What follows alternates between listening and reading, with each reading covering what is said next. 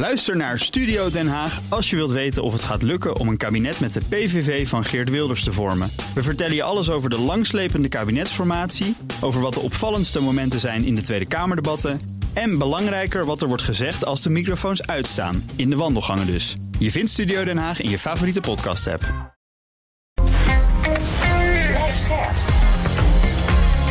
BNR Nieuwsradio.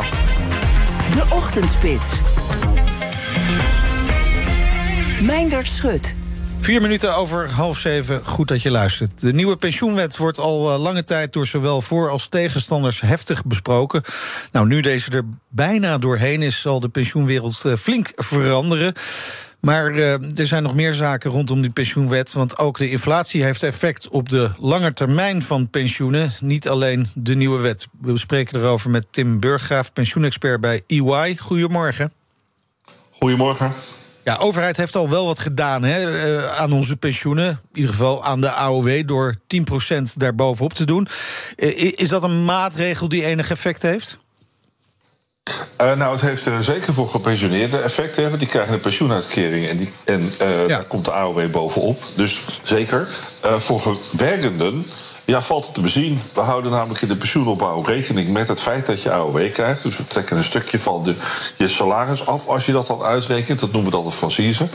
Ja, als je salaris omhoog, of de AOW omhoog gaat, dan gaat dat stukje wat we er aftrekken ook omhoog. Dus het is zelden de vraag wat je daar dan uh, maar mee opschiet. Ja. En nou zien we eigenlijk dat als je veel verdient, uh, dan trek je een, maar een klein beetje af. En we hebben ook nog een pensioenmaximum in Nederland. En opvallend is dat die ging niet met 10, maar met 12 procent omhoog. Uh, dus mensen die veel verdienen, die gaan eigenlijk meer pensioen opbouwen en krijgen ook meer AOW. Uh, terwijl mensen die weinig verdienen, die gaan minder pensioen opbouwen uh, en krijgen wel meer AOW. Ja. Dus per saldo zit daar nog wat raars in. Ja, en, en is dat nog aan te passen? Uh, nou, eigenlijk niet. Dat is eigenlijk niet aan te passen. Ja, je zou het hele stelsel overhoop Ja, te gooien. nou ja. En dat doen we al per 1 juli. Ja. Uh, en daar blijft dit gewoon overeind. Uh, kijk, de essentie wat hier eigenlijk gebeurt is. Het zijn, communicerende vaten. En het idee achter pensioenen is hoe meer je van de staat krijgt, hoe minder je zelf hoeft te doen als werkgever en werknemer. Ja, en in dit geval uh, zie je dus dat de pensioenopbouw gaandeweg de rit, en dat is al langer trouwens aan de gang, Ja. Dat die een beetje uitgehold wordt. Ja. Tim, nou is er echt wel heel veel discussie. Het wordt ook steeds turbulenter, lijkt wel. Want we horen nu steeds meer over dat onze pensioenen echt compleet gaan veranderen. Het is er ook bijna door in de, in de politiek. Uh, misschien moet jij even in een notendop uitleggen. Want we gaan allemaal naar ons eigen potje. Hoe dat ook alweer werkt. En vooral ook waarom dan ineens vakbonden, zoals CMHF nu, gaan roepen van: Oh jongens, uh, maak hier bezwaar tegen, tegen het overzetten van je pensioen voordat het te laat is. Kan je dat in een notendop nog even schetsen? Hoe dit er nou aan toe gaat? Ja hoor, zeker. Het is eigenlijk heel eenvoudig. Uh, vroeger, uh, tot 1 juli, bouwen we pensioen op. Dus dan, als je een jaar werkt, dan bouw je het recht op om een bepaalde uitkering te krijgen. Mm -hmm. als je per ongeluk 68 bent geworden. uh, nou is het zo dat dat stopt, hè, want we gaan geen beloftes meer doen omdat er over die beloftes heel veel discussie is geweest. Over hoeveel geld moet je daar aan tegenover zetten. Dus, uh, dus gaan we alleen nog maar een belofte doen op een potje geld wat je hebt. Nou, uh, ja, wordt er gezegd, we krijgen allemaal ons eigen potje. Eigenlijk is dat niet helemaal waar. We krijgen een aandeel in een grote pot die we laten zien. Mm-hmm. Want in uh, 90% van de gevallen heb je in een nieuwe stelsel nog steeds helemaal niets te zeggen over je eigen geld. Dat heb je nu ook niet. Uh, dus eigenlijk verandert dat niet zo heel erg. Maar wat het wel verandert, is dat we nu mensen laten zien hoeveel pensioen ze straks krijgen. En dat we ze na 1 juli alleen nog laten zien hoeveel geld er in hun potje zit. Ja. En dan weet je nog niks. Want als je met per ongeluk 68 wordt en je mag dan met je geld een pensioen gaan kopen. Ja, dan is het maar de vraag: hoe duur is dat pensioen op dat moment dan? Ja. En hoeveel kun je ervoor kopen? Dat weet niemand. Nee. En toch krijgt de politiek hier wel de handjes voor op elkaar. Grotendeels het kabinet. En, en, en komen de vakbonden nu om de hoek van maak bezwaar. Dus waar gaat dit heen? Ja, nou dat is heel interessant. Want de vakbonden hebben natuurlijk uh, destijds ingestemd met, uh, met een pensioenakkoord. ja. Toen is er twee jaar gesproken over het pensioenakkoord. En toen is er iets heel anders uitgekomen als waar de vakbonden ooit mee ingestemd hebben. Uh, dus, dus ik snap wel dat er vakbonden zijn die zeggen: ja, ik ben met wat er uiteindelijk nu ligt helemaal niet eens. Um, de brief van die bonden is een beetje onduidelijk. Het lijkt te gaan alleen over het feit dat de waarde die je opgebouwd hebt nu, die gaat ook naar dat nieuwe potje toe. Dus dat betekent dat de beloftes die jij in het verleden gehad hebt, ja. Die raak je allemaal kwijt. Ook over de opgebouwde pensioenen. En als ik de brief goed lees, hij zit een beetje klungelig in elkaar. Maar als ik hem goed lees, dan zeggen ze eigenlijk: daar moet je bezwaar tegen maken. En dat, dat doen ze omdat na 1 juli ja. verliest iedereen het bezwaarrecht. Dan mag het niet meer. Oh, oké. Ja. Eh, al met al uh, schept het heel veel onduidelijkheid. Hè? Dus voor, voor, voor mensen die pensioenen aan het opbouwen zijn. Wat, wat kunnen die mensen nou doen? Hè? Want eh, nu al zijn veel mensen zelf nog uh, pensioen aan het opbouwen als aanvulling. Dat lijkt me wel heel verstandig dan. Uh, nou, dat, je. wat ik dagelijks tegenkom, ook bij bij jonge mensen. Van de week ook weer bij een bedrijf gezeten. Met allemaal jonge mensen gesproken onder de 40. En die zeggen allemaal: Het is belangrijk dat ik mijn eigen pensioen op ga bouwen. Uh, het vertrouwen was al laag. Het wordt continu lager. Uh, dat is eigenlijk een heel erg slecht, uh, slecht iets. Maar het is wat het is. Kijk, dat je dat doet is een supergoed idee. Want van de overheid krijg je alleen de AOW en dat is niet voldoende. Nee. Het is natuurlijk wel de vraag hoe je dat dan doet. Want je kunt pensioen opbouwen in een pensioenfonds of bij een verzekeringsmaatschappij. Maar je kan het ook doen uh, op een bankrekening of uh, met huizen of noem het maar. Uh, in alle gevallen moet je er slim over nadenken. Ik denk wel dat het heel. Het gaat heel erg belangrijk worden dat mensen veel meer dan nu op hun eigen pensioen gaan letten. Want in het verleden konden ze gewoon achterover zitten en werd het door het bestuur van de pensioenfonds geregeld. Ja, het is nu jouw potje en ook jouw probleem als het fout gaat. Maar het is wel heel zorgelijk allemaal, hè? Want je, zegt net ook, het vertrouwen uh, is aan het afbrokkelen in dat pensioen. Terwijl ja, Nederland stond altijd bekend als een land met een van de allerbeste pensioenregelingen ter wereld. Ja, dat, is dat hoor ik vaker en dat is helaas niet waar. Oh. Ik, ben, uh, ik ben vijf jaar lang woordvoerder voor dat betreffende rapport geweest. en uh, we hebben in Nederland een van de beste pensioenstelsels ter wereld. Uh, ja. Soms waren we eerste, soms tweede en ook een tijdje derde. Maar wel altijd daar. En dat gaat niet alleen over de tweede pijlerpensioen. Dat gaat over de combinatie van we hebben een goede AOW die iedereen krijgt. We hebben een opbouw in de tweede pijler die over het algemeen ook verplicht is en best degelijk in elkaar zit. En we hebben een hele hoge spaarquote en het derde pijlerstelsel. En als je dat optelt bij elkaar, dan, heb je iets dan doen we het heel erg goed. ja, maar je moet dat wel kunnen optellen. Je moet het wel kunnen optellen. En wat we nu eigenlijk zien is dat er dus een soort verschuiving plaatsvindt. Die tweede pijler, hè, dus de, het werkgeverspensioen, dat neemt gaandeweg de rit gewoon wat af. De AOW neemt wat toe. Maar ja, de realiteit is ook, met inflatie zoals we die nu hebben... welk stelsel je ook hebt, dat ga je nooit bijbenen. Dat lukt je niet. Dank Tim Burggraaf, pensioenexpert bij EY. Blijven we nog wel even bij de pensioenen. Want pensioenfonds eh, PMT, dat is metaal en techniek, die kiest voor een nieuwe uitvoerder. Dat is best wel zeldzaam dat een fonds voor een, uh, een switch maakt naar een andere uitvoerder. Ze halen de administratie helemaal weg bij het bedrijf MN. Daar schrijft het FD over. En ze gaan naar de concurrent van MN, dat is PGGM. Die gaat de hele administratie van het eh, PMT-fonds doen. En die beheert zometeen de pensioenen van ruim 5 miljoen Nederlanders. Dus een hele grote verschuiving in de pensioensector, zo vlak voor deze stelselherziening. En ja, die hele herziening van dat stelsel, dat is dus ook de trigger geweest voor deze stap. Door die stap verdwijnt het pensioenbedrijf van MN volledig. Dat terwijl het dus goed was voor 40% van de omzet van de uitvoerder. Het is voor de pensioenuitvoerder de tweede klap in korte tijd, hè, zegt MN zelf. Door een moeizaam IT-project en de hoge kosten bij uh, MN vertrok in 2022 al een andere grote klant. En dat was het pensioenfonds PME. Dus ja, er gebeurt van alles. Het is een heel, heel woelige periode in die pensioensector. Zeker. Minister Jezielgus van Justitie en Veiligheid heeft een eh, wetsvoorstel naar de Tweede Kamer gestuurd om diefstal tegen te gaan. En dat eh, wetsvoorstel zorgt voor heel veel onrust bij kringloopwinkels, zo schrijft Trouw. Met die wet krijgen opkopers en handelaren van tweedehands spullen een uh, registratieplicht voor sommige artikelen, een meldplicht en een verplichte bewaartermijn. Het gaat dan vooral om producten die vaak gestolen worden, zoals auto's, fietsen, elektrische apparaten, juwelen, noem ze maar op. Heb jij wel eens een auto bij de kringloop gekocht? Nee, ik moet er ook niet aan denken. Echt concrete aanwijzingen voor diefstal zijn niet uh, nodig trouwens. Het idee achter het wetsvoorstel als een uh, dief niet zo makkelijk gestolen goederen kan verkopen, wordt diefstal oninteressant.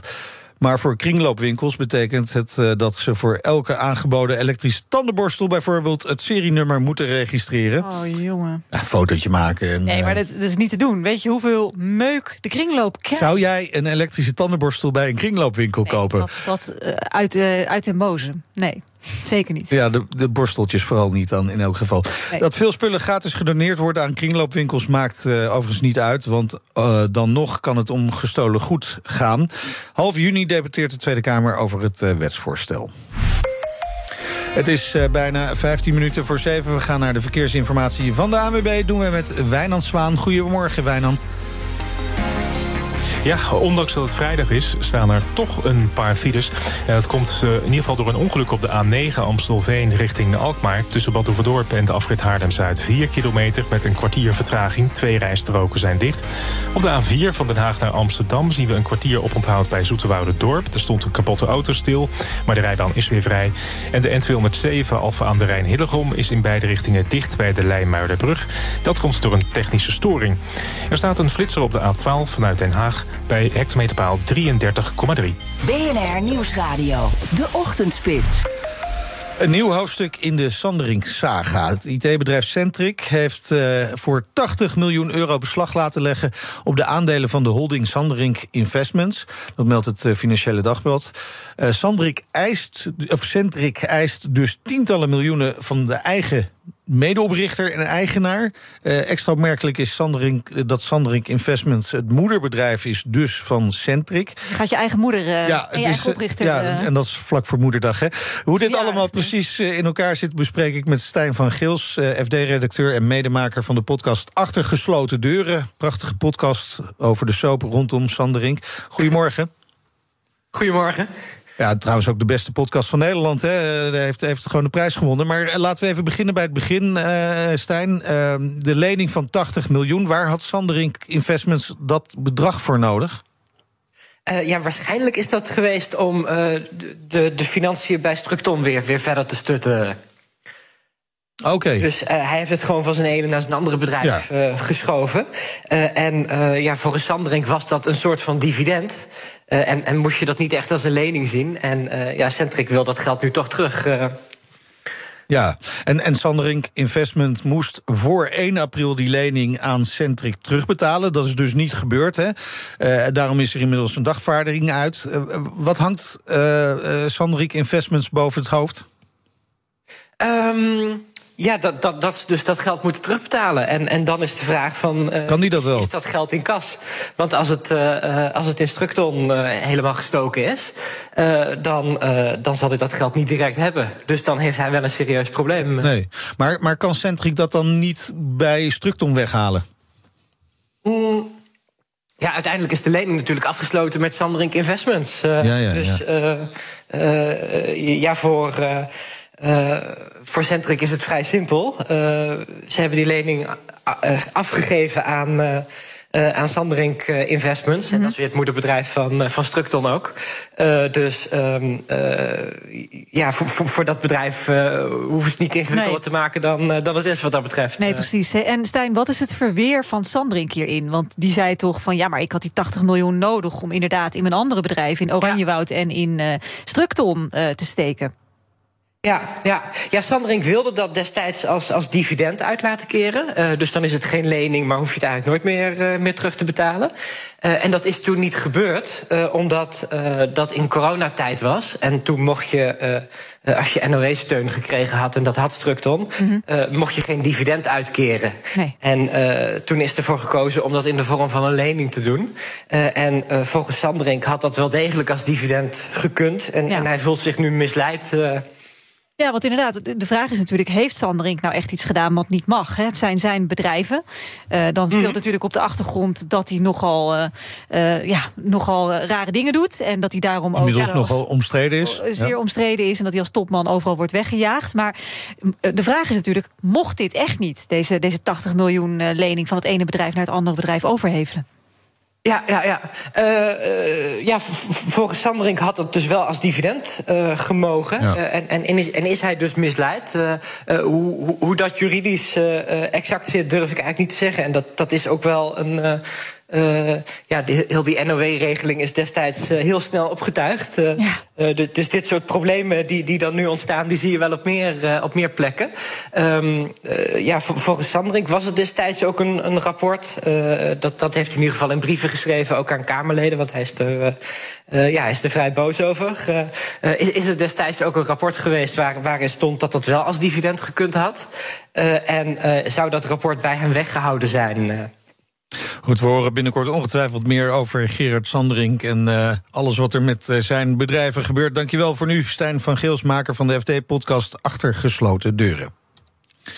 De redactie van de Telegraaf heeft gisteravond in een redactievergadering het vertrouwen opgezegd in de directie van Mediahuis Nederland. Dat is de uitgever van de krant. Er kwam zelfs een motie aan te pas en die werd aangenomen. Daarin staat dat de directie op amateuristische en scha schadelijke wijze heeft gehandeld. Lezen we in de Volkskrant dan weer. Mm -hmm. Aanleiding vormt uh, de voordracht uh, vorige maand van twee nieuwe hoofdredacteuren. Het zijn geen onbekenden, want uh, Kamran Oela en Esther Wemmers... die werken al voor de Telegraaf. Maar sinds zij zijn voorgedragen voor de hoofdredactie... is het hommeles bij de grootste krant van Nederland. De redactieraad had bezwaren tegen de aanstelling... maar de directie besloot die bezwaren gemakshalve opzij te leggen en te negeren. Nou, Masha de Jong, dat is de voorzitter van de redactieraad... zegt dat ze een zwaargewicht wilde. Iemand die op meerdere redacties met de voeten in het bluswater heeft gestaan... Uh, en dat zijn deze krachten niet. Wemmers leidt de redactie Nieuwsregie. Oela is adjunct hoofdredacteur. Het duo moet op uh, 1 juni Paul Jansen opvolgen... die na acht jaar uh, stopt als hoofdredacteur... en correspondent wordt in de Verenigde Staten. Het is een van de meest waardevolle particuliere juwelencollecties ooit die onder de hamer gaat bij Christie's. De veiling van honderden juwelen van miljardair Heidi Horten is omstreden. Niet vanwege de enorme waarde van bijna 140 miljoen euro, maar vanwege de link met de nazi's. We bespreken het met juwelenexpert Suzanne Stoot. Goedemorgen.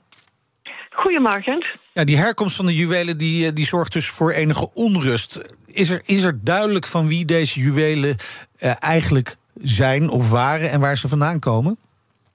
Ja, dus uh, Heidi Goes Horten, de echtgenote van dus de warenhuismagnaat Helmoet Horten, uh, heeft met de zaak zelf niet echt iets te maken. Okay. Maar uh, haar man kocht de Joodse bedrijven op die onder druk moesten worden afgegeven in de oorlogsjaren. En zij is in 1966 met hem getrouwd. Hmm. Dus vandaar dat daar natuurlijk wel de link gemaakt wordt met het kapitaal dat uh, onder andere afkomstig is van het overnemen van Joodse bedrijven voor een lage prijs. Ja, want die, die Helmoet Horten die stond aan het hoofd van een van de grootste supermarktketens, ik zou kunnen zeggen in Duitsland, en heeft dus in de natieperiode in Duitsland verschillende winkels van, van Joden uh, overgenomen. Uh, als, als we nou kijken naar die veiling, hè, waar, waar gaat dat geld naartoe als, als uh, die juwelen geveild worden? Uh, de juwelen na veiling gaan eigenlijk opgesplitst worden in verschillende groepen. Goede werken. Uh, voor haar eigen fonds, een museum dat ze heeft opgericht in uh, Wenen. En dan het derde luik, en daarmee is dus wel een toegift aan de, de oorzaak, is dus onderzoek en onderwijs dat informatie over Holocaust stimuleert. Oké. Kijk, er wordt dus wel wat goed gedaan. Maar ja, je kunt je afvragen uh, toch uh, of mensen zitten te springen op uh, een bieding te doen op juwelen die mogelijk dus zijn gefinancierd met, met geld van nazi's. eergisteren was er een veilingdag. Heeft dat, heeft dat wat opgeleverd? Jazeker. Uh, daar zijn vooral belangrijke stenen, dus wel verwerkt in juwelen, ja. Die zeer uitzonderlijk zijn en die, die hebben wel hele hoge prijzen gehaald. En wa- wat voor prijs moeten we dan aan denken? Bijvoorbeeld een eh, fancy gele ovaal van 30 karaat. Dat was een inzet van 220 minimum en die is 403.000 gegaan. Kijk aan, ja. Is, is, is, eh, nou, wat gaat er met die juwelen gebeuren? Hè? Want mensen kopen die op, eh, bedrijven kopen ze misschien al op. Blijven die juwelen in de huidige staat eh, zoals ze gekocht worden? Of, of gaan ze andere juwelen daar bijvoorbeeld mee maken? Bijvoorbeeld een eh, intens roze smaragdslijp van een eh, 6 karaat 99. Die is eh, voor 9.145.000 gegaan. En dat was 2.700.000 ingezet. Daar heb ik het grootste vermoeden van dat zulke stenen zullen uit het montuur gehaald worden en een apart leven gaan leiden. Ja, nou, nou eh, is dit, zijn de bedragen die kan ik me ook niet voorloven. En u misschien ook wel niet. Ik kan niet in uw portemonnee kijken. Maar mocht nou geld geen probleem zijn, waar, waar zou u op bieden? Wel op die intense eh, roze smaragdslijp. Ja, absoluut. Mooi moederdag cadeau. Goed, ik zal erover nadenken. Hartelijk dank, Suzanne Stoot, juwelen-expert. In Australië hebben wetenschappers een nieuwe genetisch gemodificeerde banaan. De Cavendish-banaan. Oh. Ja, die is ontworpen om bestand te zijn tegen een dodelijke schimmel. Die is een grote bedreiging wereldwijd Ja. voor bananentelers. Misschien had je er al over Ja, nou ja, het gehoord. punt is, elke banaan eh, stamt af van eh, een andere banaan. Het zijn eigenlijk klonen van elkaar. Hè? Ja. Dus het probleem is dat al die bananen wereldwijd hebben last van diezelfde schimmel. Wat weet jij veel van bananen? Ja, ongelooflijk, ja. Nou, als deze Cavendish-banaan wordt goedgekeurd, dan is het dus de eerste genetisch gemodificeerde banaan ter wereld. Het onderzoeksteam is niet van plan om de banaan meteen goed te keuren voor de commerciële productie of de consumptie. Deze Cavendish-banaan die staat voor ongeveer de helft van de commerciële teelt wereldwijd, omdat eh, deze een hele goede ziekteresistentie heeft. En hij werd dus heel populair nadat de uitbraak van de Panama disease, eh, plantages eh, van een andere banaan helemaal wegvaagden, de Panama disease. En ook de Universiteit van Wageningen doet onderzoek naar nieuwe teelmethoden en bananenrassen. Zij kwamen eerder met een oplossing door de bananenplant te potten. In een, pon, in een pot met een ondergrond van kokosvezels. Hey. Kokos, daar is Ja, hij weer. daar is iets mee. Daar, daar, daar- dat is eigenlijk gewoon een wondermiddel. Ja, Hij- dan hij- komen de muggen er niet meer muggen vanaf. komen er niet in. Bananen gaan er goed van groeien. Ja. Antischimmel. Dit is toch hartstikke nuttige informatie. Ja, kokosnoten zijn ook, ook wel weer een grote doodsoorzaak eh, in sommige landen. Onder toeristen. Als ze naar beneden Ja, vallen. dan heb je een aardige... Nee, word je ook niet meer gestoken Nee, trouwens. precies. Goed, op YouTube zie je vaak de meest gekke dingen voorbij komen. Alles om maar eh, die views omhoog te krijgen. Mhm. En nou, ene Trevor Jacob, die bedacht daarom een crash met zijn vliegtuigje in scène te zetten. Hij postte een video van de nepcrash op internet. Hele gebeuren is vanuit iedere hoek van het vliegtuig gefilmd. Hij heeft dus overal van die GoPro's opgehangen. Ja, want hij ging echt vliegen, hè, voor de duidelijkheid. Ja, het was nou. niet iets van een filmpje gemaakt. Hij ging echt Nee, precies. vliegen. Nou, in de video is te zien hoe hij met een selfie stick in de hand het vliegtuigje eh, Verlaat, uit het ja, vliegtuigje sprint. Hè? Holy I'm over the mountains and I get out of exit out. Ja, daarna is te zien hoe het vliegtuigje uiteindelijk in de bomen Ja, landt. hij, verla- hij verlaat het vliegtuig. hij verlaat het vliegtuig. Ja, terwijl er niks aan de hand was. Ja, nou ja, dat, daar kwam ik nog inderdaad op. Als hij in de buurt van aan de grond komt, ziet hij in eh, hoe hij, erg hij in de problemen is. En klaagt over hoe zijn hele lichaam onder de schammen zit. Ook weet hij niet hoe hij ooit weer terug moet komen naar de bewoonde wereld. Tja, levensgevaarlijk, ook hartstikke illegaal. Hij riskeert nu een celstraf van 20 jaar. Zo. Ja, hij moest het eh, vliegtuigwrak van de autoriteiten bewaren voor het onderzoek. Alleen zei hij niet te weten waar het vliegtuig geland is. Terwijl hij met een eh, vriend met behulp van een helikopter het wrak uit de bossen wist te halen. Daarna vernielde Jacob het vliegtuigje zelf. Hij geeft eh, toe het onderzoek te willen tegenzitten door het wrak te vernielen. En ook dat hij heeft gelogen over de technische problemen van het hele voorval. Ja. Oftewel, fake, fake nieuws. Ja, Maar nu normaal zeg je 20 fake it till you make it. Ja, Maar hier niet. dit gaat net even een stapje te ver. Oliedom, Echt, hè? idioot. Ook Diana Matroos vind je in de BNR-app. Ja, inderdaad. Je kunt live naar mij luisteren tijdens de Big Five. Ook handig in de BNR-app. Breaking nieuwsmeldingen, maar ook het allerlaatste zakelijke nieuws. En je vindt in de app alle BNR-podcasts, waaronder Wetenschap Vandaag. Download nu de gratis BNR-app en blijf scherp. En overal de laatste aflevering van je favoriete podcast. Download de gratis BNR-app. BNR Nieuwsradio. De Ochtendspits. Meindert Schut. Het is vier minuten over zeven op vrijdag 12 mei. Goed dat je luistert. Een hele goede morgen. Naast mij in de studio Nina van den Dungen. Goedemorgen, Meijnerd. En tot tien uur praten wij je bij over de belangrijkste nieuwsverhalen uit binnen- en buitenland. We beginnen dit uur in het buitenland en wel in Turkije. Want dat land staat aan de vooravond van ongekend spannende verkiezingen. Zondag gaan de Turken naar de stembus. En ook in Den Haag kijkt men uh, met spanning mee naar deze presidentsverkiezingen. President Erdogan staat achter in de peilingen. Die uh, kan rekenen op dit moment op 43% van de stemmen. Uh, oppositiekandidaat Kilis Daroglu die staat op 49% Dus ja, de mogelijkheid is dat er een nieuwe president komt. En wat betekent dit allemaal voor ons en voor Europa? We gaan erover praten met VVD-Kamerlid Ruben Brekelmans. Goedemorgen. Goedemorgen. Ja, het is dus echt wel ongekend spannend in, in, in, Turkije met die verkiezingen. Hoe, hoe kijkt u naar zondag? Met veel spanning.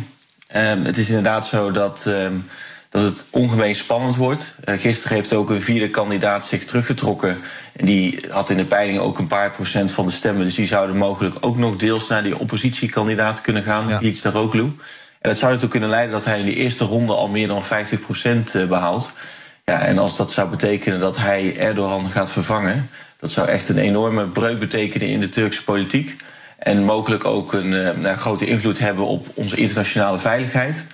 Uh, en daarnaast op uh, migratie, wat ja. natuurlijk waarin Turkije een enorm belangrijk land is. Ja, laten we het straks over die punten hebben. Maar inderdaad, 50% moet je halen om dan direct die rol te pakken.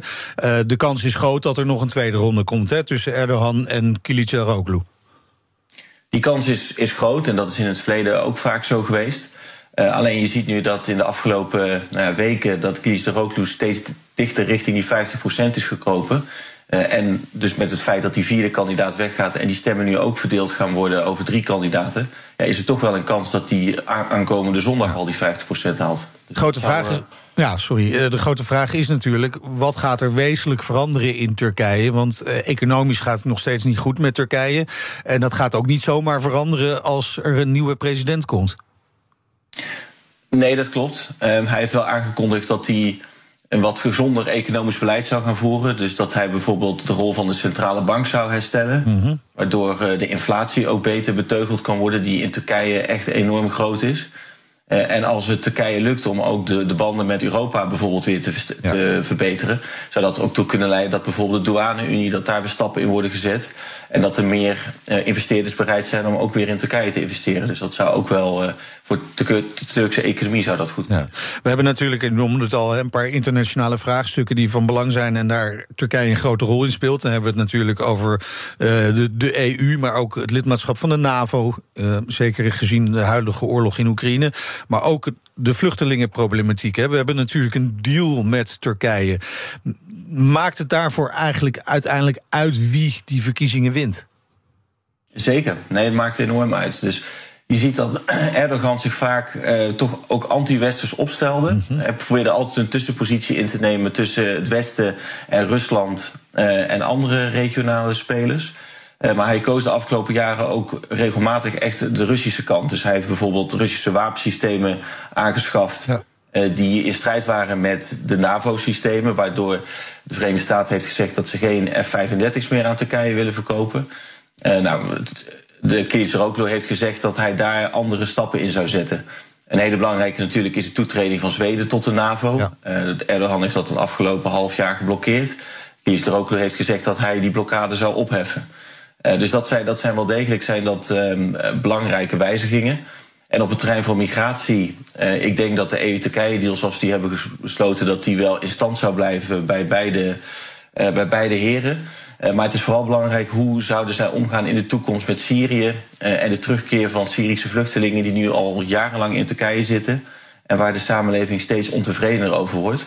Ik denk dat Erdogan een wat uh, hardere aanpak zou kiezen die tot meer conflict zou leiden. En mogelijk ook meer Syrische vluchtelingen die richting Europa willen komen.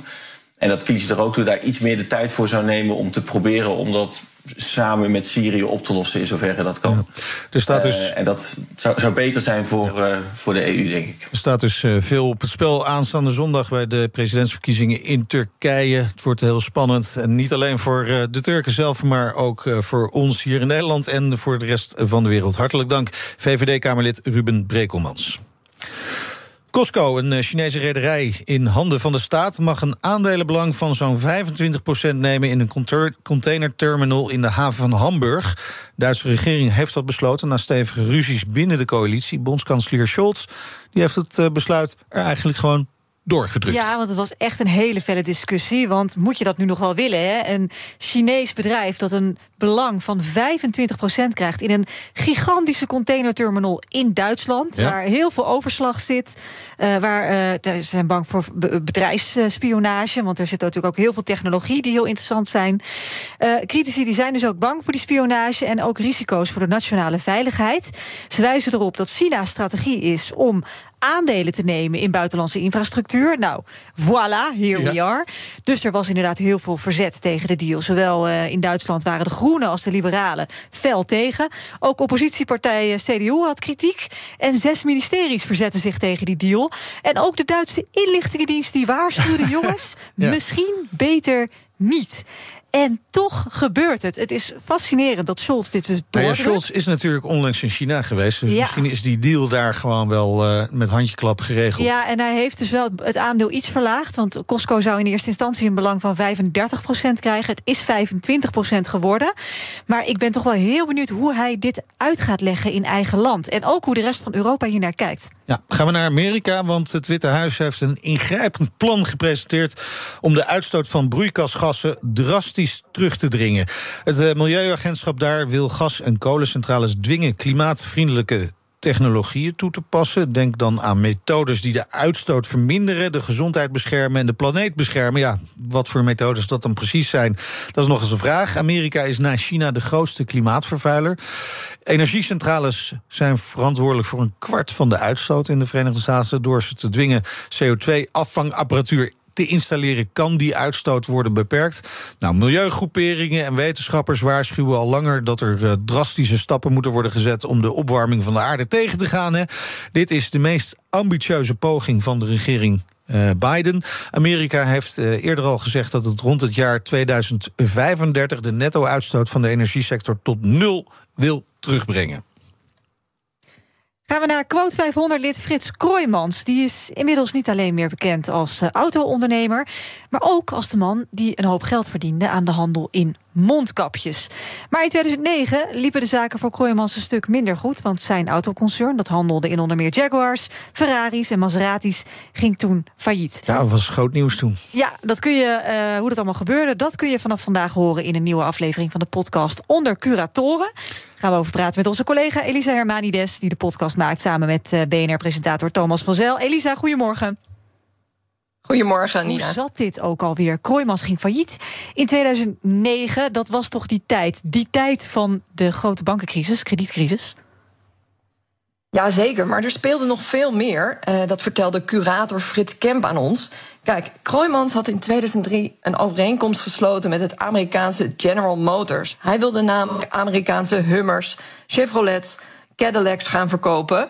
Eh, niet alleen in Nederland, maar ook in Duitsland. Ehm, maar ja, dat bleek nog niet zo makkelijk. Want de Duitsers zijn natuurlijk wel gehecht aan hun eigen auto's, hun eigen Audi's en uh, Mercedes. Hè. En uh, dus stonden er duizenden Amerikaanse auto's te verstoffen. En ja, in de loop der jaren, dus in 2007, was dat echt al een enorme financiële ramp. En daar kwam die kredietcrisis nog eens een keer overheen.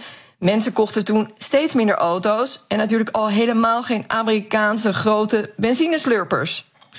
Nee, er waren toen ook echt verhalen over grote parkeerterreinen... waar uh, allerlei auto's van uh, Kroijmans stonden. De curator moest die natuurlijk allemaal gaan verkopen... Hè, om zoveel mogelijk geld op te halen voor de schuldeisers. Is dat een beetje gelukt?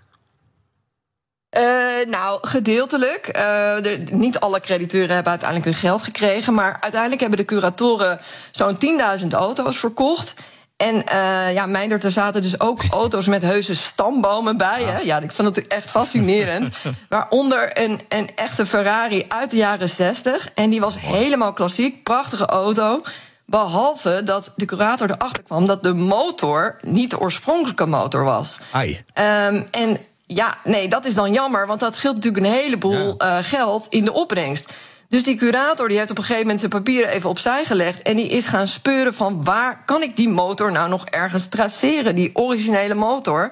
Nou, die heeft hij gevonden uiteindelijk. En toen was die auto in één klap 7 miljoen euro meer waard. Dus dat was natuurlijk wel fijn voor de schuldeisers. Ja, scheelt nogal of iets origineel is of niet. Uh, het was destijds nog wel de vraag of Kroijmans rechtmatig had gehandeld, hè, Elisa? Hoe, hoe kijken de curatoren nu terug op zijn handelen destijds?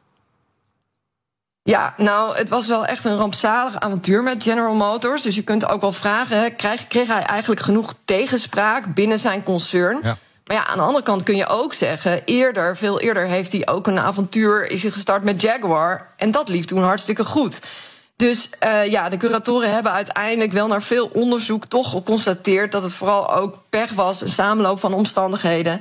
En wat niet hielp, uh, Meindert, was wel dat het bedrijf was opgebouwd uit een enorme kluwe van wel meer dan 100 BV's. Dus het was ook wel een beetje een chaotische toestand, dat uh, autoconcern. Enfin, uiteindelijk viel Kroijmans niet zo heel veel te verwijten. Uh, en uh, je moet niet vergeten, dit faillissement heeft hem ook uiteindelijk echt heel veel geld ja. gekost. En het was een enorme, ja, eigenlijk een ramp ook voor hem. Uiteindelijk heeft hij wel met een deel van die vele BV's een doorstart kunnen maken. Ja, jullie reconstrueren, reconstrueren in elke aflevering een uh, faillissement met een curator. Hè? Uh, dat is echt een hele mooie reeks, uh, overigens. Wel, welke faillissementen zijn er allemaal voorbij gekomen? Nou, wat ik een mooie vind, en die herinner jij je vast ook nog wel, is natuurlijk het faillissement van VND. Hoe ja. dat is gegaan. Uh, met onder meer Roland Kaan van uh, Coolcat, die VND nog wilde redden. Lukte uiteindelijk niet, hebben we allemaal gezien. Uh, en een wat recenter faillissement is dat van D-reizen. Oh ja. Dat ging natuurlijk ten onder in de coronacrisis. Want ja, die vakanties, dat ging allemaal niet meer door. En uh, nou, mijn persoonlijke favoriet, wat minder bekend, maar dat gaat over kantorenkoning Ger Visser van Eurocommerce. Ja, dat was echt een soort Nederlandse Bernie Madoff. Die, okay. ja, een fraudeur eigenlijk, die een piramidespel speelde met vastgoed. Echt, nou, fascinerend. En vandaag dus de aflevering over Kroijmans. Ga ik zeker naar luisteren. Uh, te beluisteren in, uh, uh, onder curatoren dus. Ja, onder curatoren, dus in je favoriete podcast-app, maar vooral je BNR-app natuurlijk. En ook uh, vandaag om twee uur gewoon op BNR zelf, op de zender. Dankjewel, Elisa Hermanides van de podcast Onder Curatoren. Het is uh, bijna 17 minuten over 7. We gaan naar de verkeersinformatie van de ANWB met Wijnand Zwaan. Wijnand, een paar ongelukken op deze vrijdag. Dat ja. houdt de gemoederen op de wegen bezig. Ja, inderdaad. Op twee plaatsen. In ieder geval op de A9 Amstelveen richting Alkmaar... bij de afrit Haarlem-Zuid. Er was een aanrijding met een busje en een personenwagen. Die worden nu geborgen. De vertraging is een kwartier. Twee rijstroken zijn nog even dicht. Na 20 vanuit Gouda, tussen Knopend Gouwen en Nieuwerkerk aan de IJssel... 4 kilometer met een half uur op onthoud. Ook daar gebeurde een ongeluk. De rechte rijstrook is dicht. Er wordt geflitst op de A12 vanuit Den Haag... bij hectometerpaal 32,9. BNR Nieuwsradio. De Ochtendspits. Ja, beleggers die lijken al een beetje weekend te vieren. Zo weinig staat er op de agenda, vertelt uh, collega Jelle Maasbach van BNR Beurs. Een heel rustig beursdagje, al vond hij toch nog wat leuks. We hebben gezocht en gezocht, maar deze dag staat er gewoon niet zoveel op de financiële agenda. Wat wel bijzonder is, is dat Toshiba waarschijnlijk voor het allerlaatst met de kwartaalcijfers komt. Na jaren van problemen en schandalen valt het doek voor het bedrijf. Maar liefst 147 jaar wist het Japanse bedrijf te overleven. En nu valt het ten prooi aan private equity. Waardoor het van de beurs verdwijnt. In BNR Beurs uh, wordt elke dag de drukke beursweek doorgenomen. Door de weekse dagen dan. Je vindt hem in je favoriete podcast-app. De prijs voor het beste gebouw van het jaar is weer uitgereikt. Elk jaar reikt de branchevereniging Nederlandse Architectenbureaus deze prijzen uit. Vorig jaar werd het vernieuwde museum Singer Laren uitgeroepen tot beste gebouw van 2022. Maar ja, welk gebouw krijgt dit jaar de eer? We praten erover om de winnaar ook te onthullen. Desiree Uitzetter, voorzitter van NEPROM en lid van de jury. En een hele goede morgen.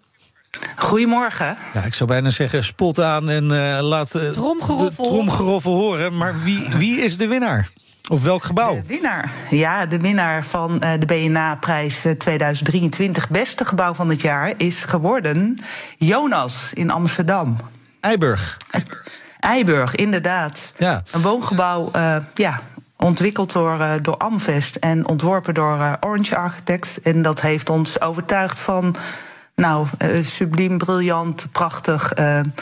daar willen we allemaal wel opgroeien. Ik ga het even googlen hier. Ik, ja. u maakt me nou wel heel nieuwsgierig. Ja, en, en neem onze luisteraar even mee. Wat is er nou zo bijzonder aan dit gebouw? Nou, dit gebouw is een, uh, ja, is, is een beleving in zichzelf. Dus uh, 283 woningen, een heel groot deel uh, middenhuur. Een klein deel koop, een goede mix. Maar als je het gebouw binnenkomt, dan beleef je echt het opgeslokt worden door de walvis. Dus ja. daar is echt heel veel creativiteit. de, de publieke, dat zijn niet echt publieke ruimtes, maar de, de niet-privé-ruimtes in het gebouw, ja, die nodigen echt uit tot een ontdekkingstocht. Ja, want die naam van het gebouw verwijst dus ook echt naar dat Bijbelverhaal over Jonas, hè, ja.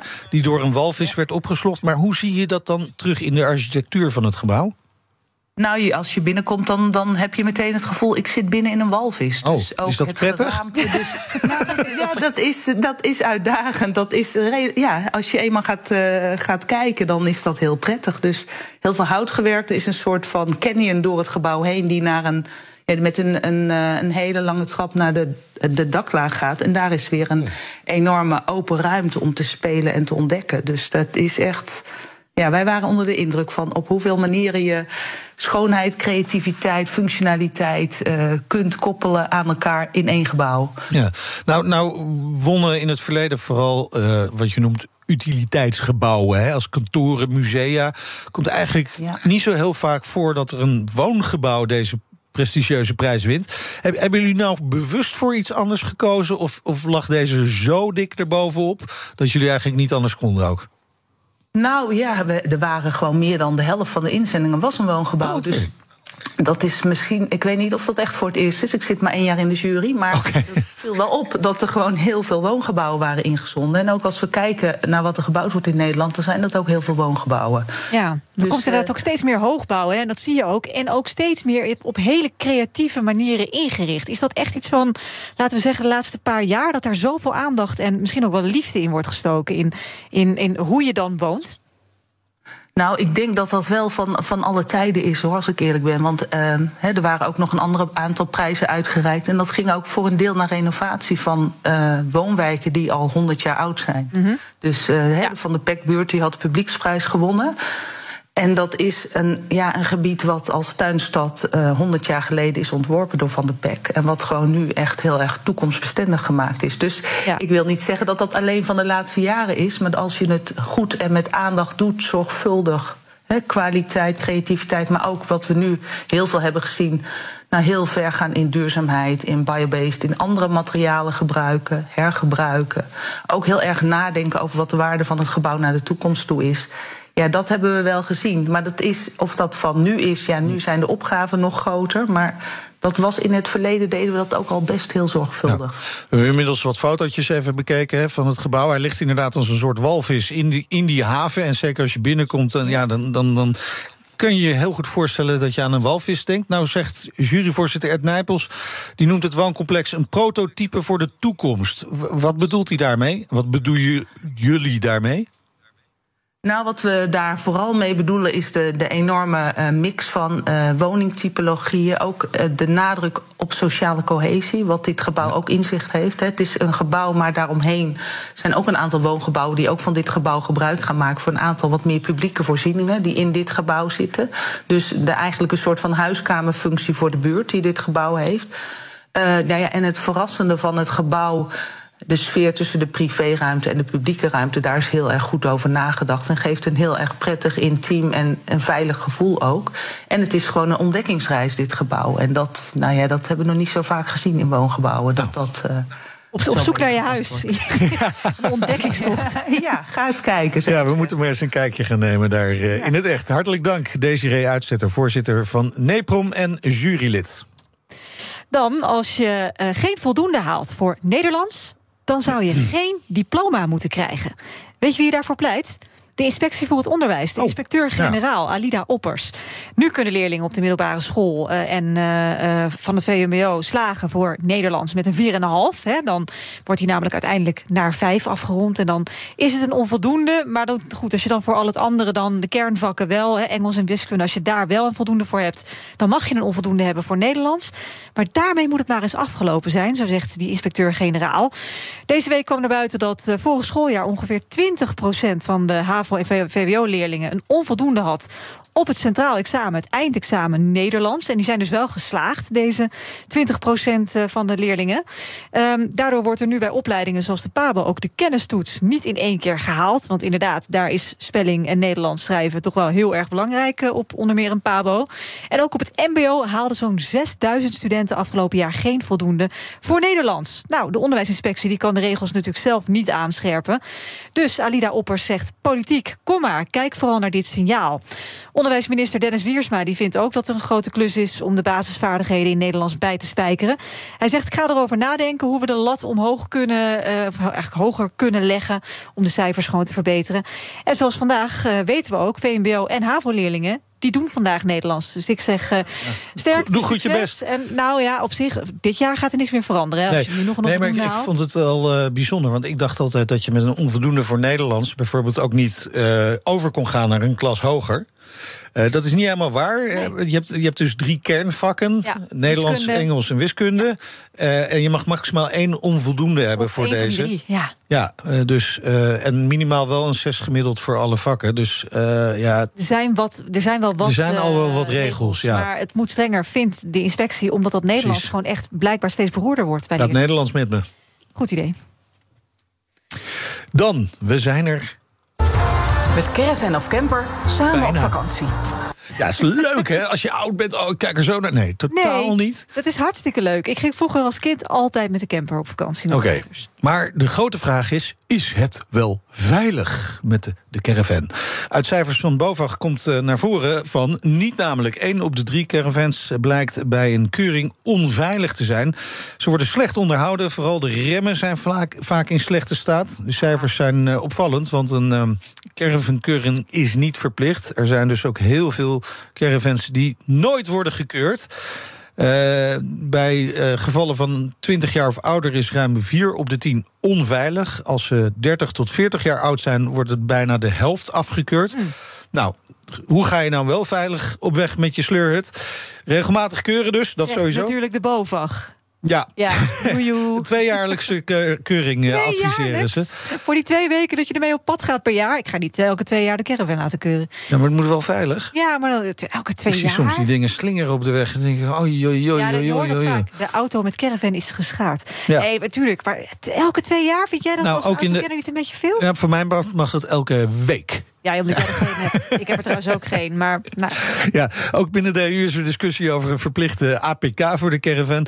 Maar het duurt nog wel een tijdje voor alle lidstaten het daarmee eens zijn. En natuurlijk is vooral ook Nederland echt een caravanland. Dat is waar.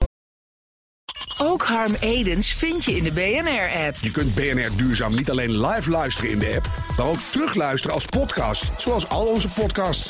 En naast dat de BNR-app Breaking News meldt, houden we je ook op de hoogte van het laatste zakelijke nieuws. Download nu de gratis BNR-app en blijf scherp. Blijf scherp. BNR Nieuwsradio.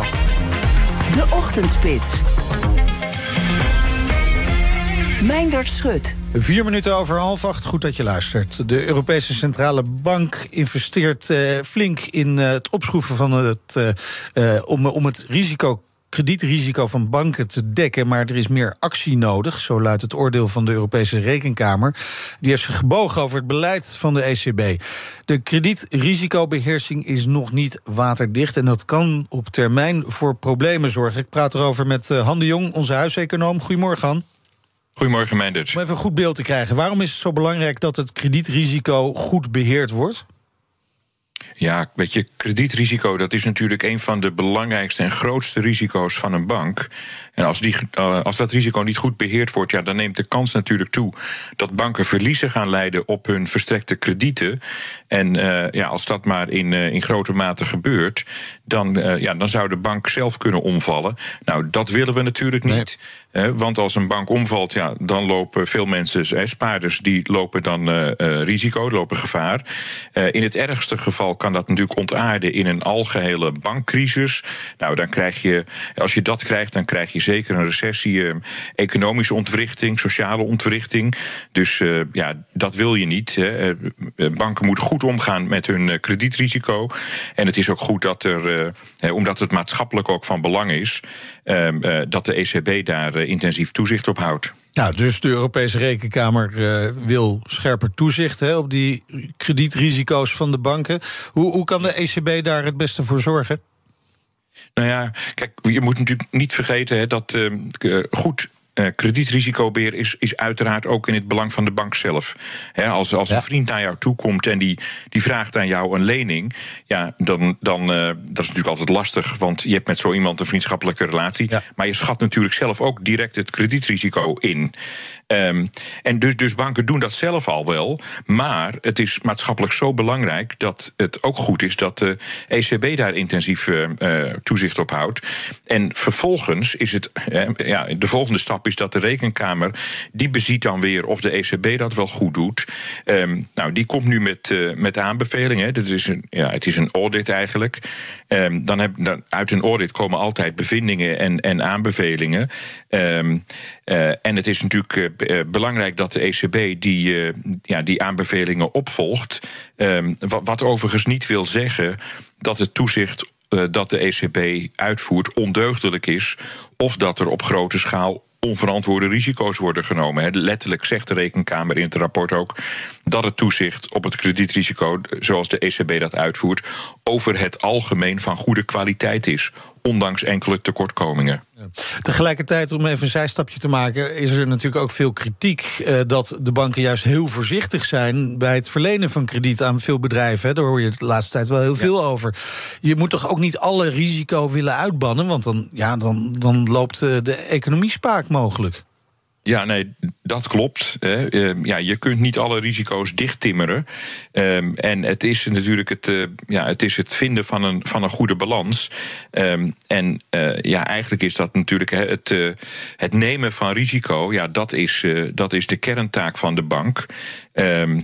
Uh, en en dat, dat houdt natuurlijk de economie ook draaiende. En als je dat veel te, ja, veel, te veel dichttimmert, dan, uh, ja, dan loop je inderdaad het, uh, het gevaar dat, ja, dat er onvoldoende kredietstroom in die ja. economie is. Dus ja, dat is ook buitengewoon vervelend. Maar wat je natuurlijk wel kunt doen is, hè, waar er problemen ontstaan, daar kun je in ieder geval wel ervoor zorgen dat banken voldoende buffers aanleggen. En als ik, als ik die aanbevelingen, eigenlijk de belangrijkste aanbevelingen van de Rekenkamer, nou, uh, nou helemaal goed begrijp, dan, dan zeggen ze eigenlijk dat de ECB uh, op dat terrein niet alle beschikbare middelen gebruikt. Uh, nou, wat betekent dat concreet? Nou, als de ECB tekortkomingen in het risicobeheer van een bank constateert, of, of als ze verhoogde risico's zien voor een bank, dan zou de ECB hogere kapitaalseisen kunnen opleggen. Um, maar uh, kennelijk constateert de rekenkamer dat dat niet of niet altijd gebeurt, of, of inconsistent gebeurt. En uh, ja, daar kan de ECB dus kennelijk in verbeteren, vindt de rekenkamer. Ja, nou hebben de banken op dit moment, uh, zeker ook hier in Nederland, alle kans om die buffers wat te vergroten. Hè, door het verschil ja, in, uh, in, in de rente die ze zelf betalen en de rente die ze aan, aan hun klanten geven, de spaarders geven. Uh, ga, gaat de ECB al die aanbevelingen van de rekenkamer overnemen? Nou, ik denk de meeste wel. Dat, dat, dat, dat moet ook wel. Maar er zijn ook altijd aanbevelingen um, ja, waar wat ruimte is. Um, en uh, als ik het goed begrijp, dan, uh, ja, dan is er ook wel een aanbeveling die ze niet gaan overnemen. Dat is een, uh, een aanbeveling die gaat over de betrokkenheid van de Raad van Toezicht bij de vaststelling van de, van de begroting. Nou, dat vindt de ECB kennelijk niet nodig. Um, nou moet ik zeggen, als ik zo'n heel rapport uh, bekijk. Ja, ik weet niet of jullie wel eens betrokken zijn geweest bij, uh, bij zo'n audit. Um, nou, ik heb lang bij ABN Amro gewerkt en het team waar ik voor verantwoordelijk was, is ook diverse keren ge- geaudit. Nou, dan krijg, je een, eh, dan krijg je een lijst van bevindingen en aanbevelingen. En, ehm, en heel veel van die eh, dingen, ja, die herken je en die volg je gewoon op. Maar soms herken je het ook helemaal niet. En ik moet eerlijk zeggen, ik heb wel eens een stevig robbertje gevochten met, met audit mensen. En ja, uiteindelijk kom je daar dan wel uit. En ja, uiteindelijk hebben zij toch wel, eh, zij hebben te veel macht. Dus uiteindelijk kunnen ze het ook wel opleggen. Ja, dan doe je het gewoon. Ja, mijn ervaring was daarmee dat die mensen die de audit deden... totaal niet begrepen in wat voor branche ik werkte. Maar goed, dat is... eh, Ja, dat, dat vond jij. Ja, dat vond ik inderdaad. Ja, nou, ik, ik ken dat gevoel wel. Ja, precies. Dankjewel, Han de Jong, huiseconoom bij BNR. Unilever, pardon, Unilever heeft eh, tegen de eigen beloftes in toch winst gemaakt in Rusland. Dat meldt Follow the Money vandaag in een uitgebreid artikel. Eh, Unilever zou eh, geen voordeel meer halen uit Rusland. Hè. Heel veel Europese bedrijven hebben daar natuurlijk alles stopgezet. Maar wat blijkt nou? Afgelopen jaar is de winst van Unilever in Rusland verdubbeld. En dan denk je, hè? Hoe kan dat nou? Unilever zou alleen nog essentiële voedsel- en hygiëneproducten blijven leveren. Maar wat blijkt nou? Cornetto's, Magnums, die lagen ook gewoon in de schappen. Ja, hoe essentieel. essentieel. is dat dan, kun je je Ja, voor afvragen. sommige mensen wel. Ze hadden ook beloofd om de reclameuitgaven compleet te staken. Maar die zijn verhoogd in Rusland. Staat allemaal te lezen in het Russische jaarverslag... wat Follow the Money heeft ontcijferd. Door die hoge winst moest Unilever ook meer bijdragen... aan de Russische staatskas. eh, Afdragen natuurlijk. 38 miljoen euro vennootschapsbelasting vorig jaar. In 2021 was dat eh, 14 miljoen euro. Dus moet je nagaan, in 21 was er nog geen oorlog. Toen was het 14 miljoen. En Ja. nu is er oorlog, is het 38 miljoen. Het hoofd van Leave Russia, dat is een onderzoeksproject van de Kiev School of Economics, zegt ja, Unilever houdt zich absoluut niet aan de beloftes. En ik denk dat we hier nog wel aardig over gaan doorpraten. Dan gaan we naar de boeren. Hebben waarschijnlijk voor niets jarenlang veel geld gepompt in dure milieuvriendelijke stallen. Onderzoek van de Wagen- Wageningen Universiteit, gemaakt in opdracht van het ministerie van Landbouw. Bevestigt dat deze emissiearme stallen niet of nauwelijks helpen bij het terugdringen van de stikstofuitstoot. Er waren al verhalen over, maar de conceptversie van het rapport is nu in handen van het AD.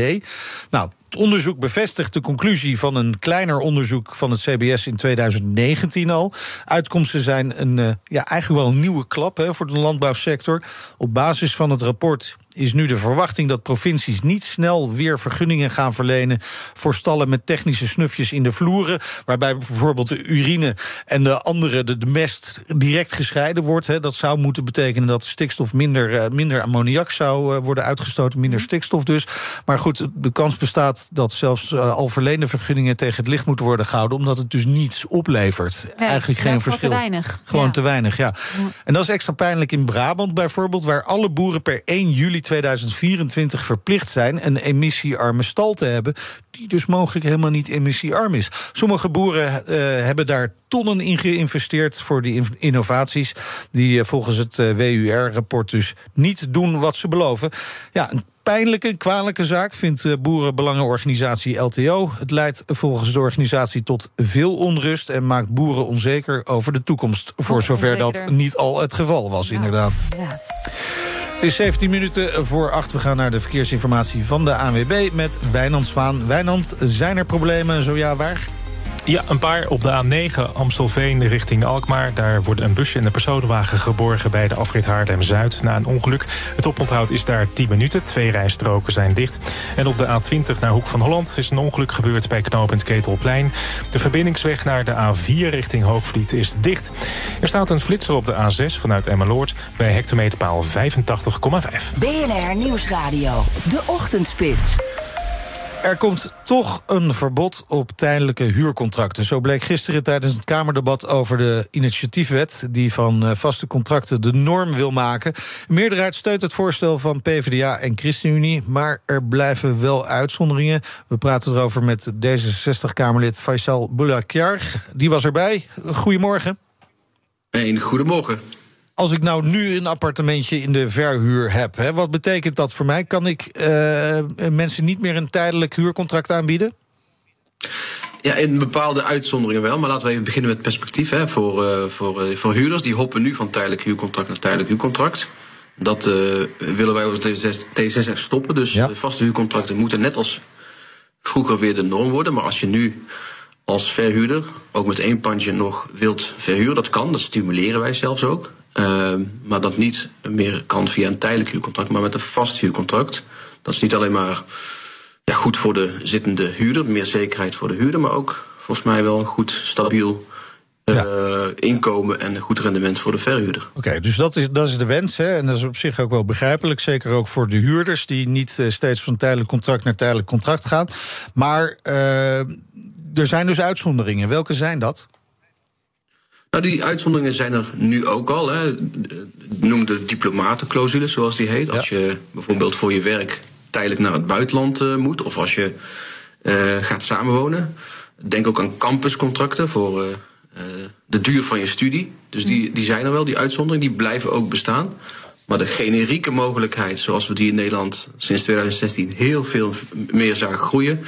Het generieke mogelijkheid voor het aanbieden van een tijdelijk huurcontract, die is straks niet meer mogelijk. En kan je wel nog eventueel zelf aanspraak maken op je eigen woning? Stel je hebt een, extra pand en je wilt uiteindelijk voor je kinderen gebruiken. Is dat nog een optie? Ja, dat, dat is zeker een optie. Nu ook al. Als je zegt uh, van ik wil in mijn eigen woning terug gaan wonen. Uh, dat is nu ook al mogelijk, maar wel via een rechtelijke toets. Hm. In, de nieuwe, uh, in het nieuwe voorstel, dit voorstel, wat dinsdag in stemming gaat, is er straks ook de mogelijkheid om bloedverwanten te laten wonen in, je, in, je, in jouw woning. Bijvoorbeeld een, een, een, ja, een zoon of een kind of, een, of, of schone ouders zelfs.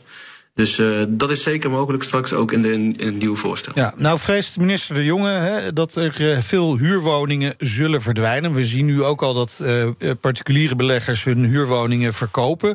Uh, is dat niet een groot risico van deze maatregelen... dat er nog minder huurwoningen komen? Het belangrijkste argument in 2016 om tijdelijke huurcontracten mogelijk te maken was de wens uh, dat er veel meer huurwoningen op de markt zouden komen. Uit onderzoek, uit rapporten blijkt dat het niet het geval is geweest. Wat wel is toegenomen is de woononzekerheid ja. voor, voor, voor, huurders. Um, ja, ik zie ergens ook wel die zorg en um, dat er minder huurwoningen zijn. Dat betekent niet dat we huurders moeten verjagen, maar dat we de minister moeten opjagen om veel meer woningen bij te bouwen op de korte termijn. Ik noem. Ja, ja maar dat, dat is op de korte termijn blijkt uit alles dat dat heel erg lastig is, hè? Ja, zeker is dat lastig, maar als ik u een voorbeeld geef. Er staan nu duizenden flexwoningen, kant-en-klare woningen in opslag eh, te verstoffen, omdat gemeenten die woningen niet krijgen weggezet, omdat buurtbewoners klagen over de komst van die flexwoningen. Ja. Ja, terwijl we woningen dus hebben in opslag. Uh, uh, staan die, omdat die, staan te stoffen, zeggen we. Ja, we zien het risico van deze wet. Uh, en er zijn er minder huurwoningen ja. in, in het aanbod. Dus. Ja. Nee, goed. Maar laten we nog een ander risico hebben. Want ik begrijp heel goed die wens om uh, mensen minder onzekerheid te geven. door gewoon uh, weer vaste huurcontracten aan te bieden. Maar met, met, met het huidige woningaanbod krijg je natuurlijk ook de kans dat veel jonge mensen gewoon eindeloos in hun huurwoning blijven wonen. Omdat ze namelijk gewoon niet aan een andere woning kopen, kunnen komen. Ja, dan, dan los je ook niet zo heel veel op. Nou, ik, ik vind woonzekerheid een heel belangrijk. Zeker, nee, absoluut. Maar dat andere probleem is natuurlijk ook belangrijk. Natuurlijk, ik bedoel, he, woon, woonzekerheid is belangrijk, maar het aanbod zeker ook. Daarom uh, jagen we de minister in ieder debat op om veel meer woonruimte te regelen op de korte termijn. Um, maar die loopt ook tegen een muur op. Sorry? Die loopt ook tegen een muur op van gemeentes die die uh, flexibele woningen niet willen hebben. Nou, dus uh, wij hebben hem uh, veel meer regie, het mandaat gegeven. Dus gebruik die regie ook. Voor op de korte termijn om te kijken naar die 3,5 miljoen vierkante meter die leeg staat. Nutteloos leeg staat. Ja. Ga daarmee aan de slag op de korte termijn. Die flexwoningen snel laten landen in al die gemeenten. Maar ook woningbouwcorporaties de mogelijkheid laten bieden aan huurders. Want zij doen nu vaak ook moeilijk, net zoals huur, uh, huur, hypotheekverstrekkers. Woningdelen, veel meer woningdelen toe te staan. Er zijn genoeg mensen, oudere mensen, die zeggen: Ik wil best mijn kamer verhuren aan een student. Maar dat is niet mogelijk, omdat mijn hypotheekverstrekker of de woningbouwcorporatie moeilijk doet. En daar roep ik de minister ook op: maak meer ruimte, juist voor, die, uh, voor het fenomeen woningdelen, zoals die vroeger ook veel meer in Nederland zagen. En die ruimte heeft hij, zegt u? Die ruimte is er, maar die ruimte moet hij wel uh, bieden ook. En even een tandje bij, ook goed gesprek met die woningbouwcorporatie en hypotheekverstrekkers. Laat meer woningdelen toe, want er zijn genoeg mensen die zeggen: ik heb nog een zolder vrij, extra kamer vrij, om het te verhuren aan bijvoorbeeld jonge studenten. Dank Tweede Kamerlid Faisal Boulakjar van D66. Het was te verwachten. Donald Trump die heeft hoger beroep aangetekend tegen zijn veroordeling in de zaak rondom schrijfster E. Jean Carroll. Trump die is schuldig bevonden aan seksueel misbruik en smaad. Hij moet haar 5 miljoen dollar schadevergoeding betalen. Carroll zegt in de jaren 90 verkracht te zijn door Trump. Dat gebeurde in een pashoekje in New York. En vervolgens heeft hij haar reputatie geschaad door continu te roepen dat ze klinkklare onzin verkoopt. Nou, dat kwam dus nu uiteindelijk na een, een lange tijd tot een zaak. De jury die heeft verkrachting niet bewezen geacht, maar wel seksueel misbruik en dus ook smaad. Trump laat het er niet bij zitten, die gaat in hoger beroep. Maar ook de schrijfster die overweegt nu een nieuwe zaak... omdat Trump haar opnieuw belachelijk maakte. Dat deed hij afgelopen woensdag tijdens dat town hall evenement op CNN. I have no idea who the hell she's a whack President. job. What kind of a woman meets somebody and brings them up, and within minutes you're playing hanky panky in a dressing room? Okay. Ja, hij maakte er weer een totale show van. Hij noemde Carol onder meer gestoord. Hij stelde opnieuw dat ze het hele verhaal heeft verzonnen. Ik denk dat deze zaak nog heel lang gaat slepen. Ja, ongetwijfeld. Tech Update.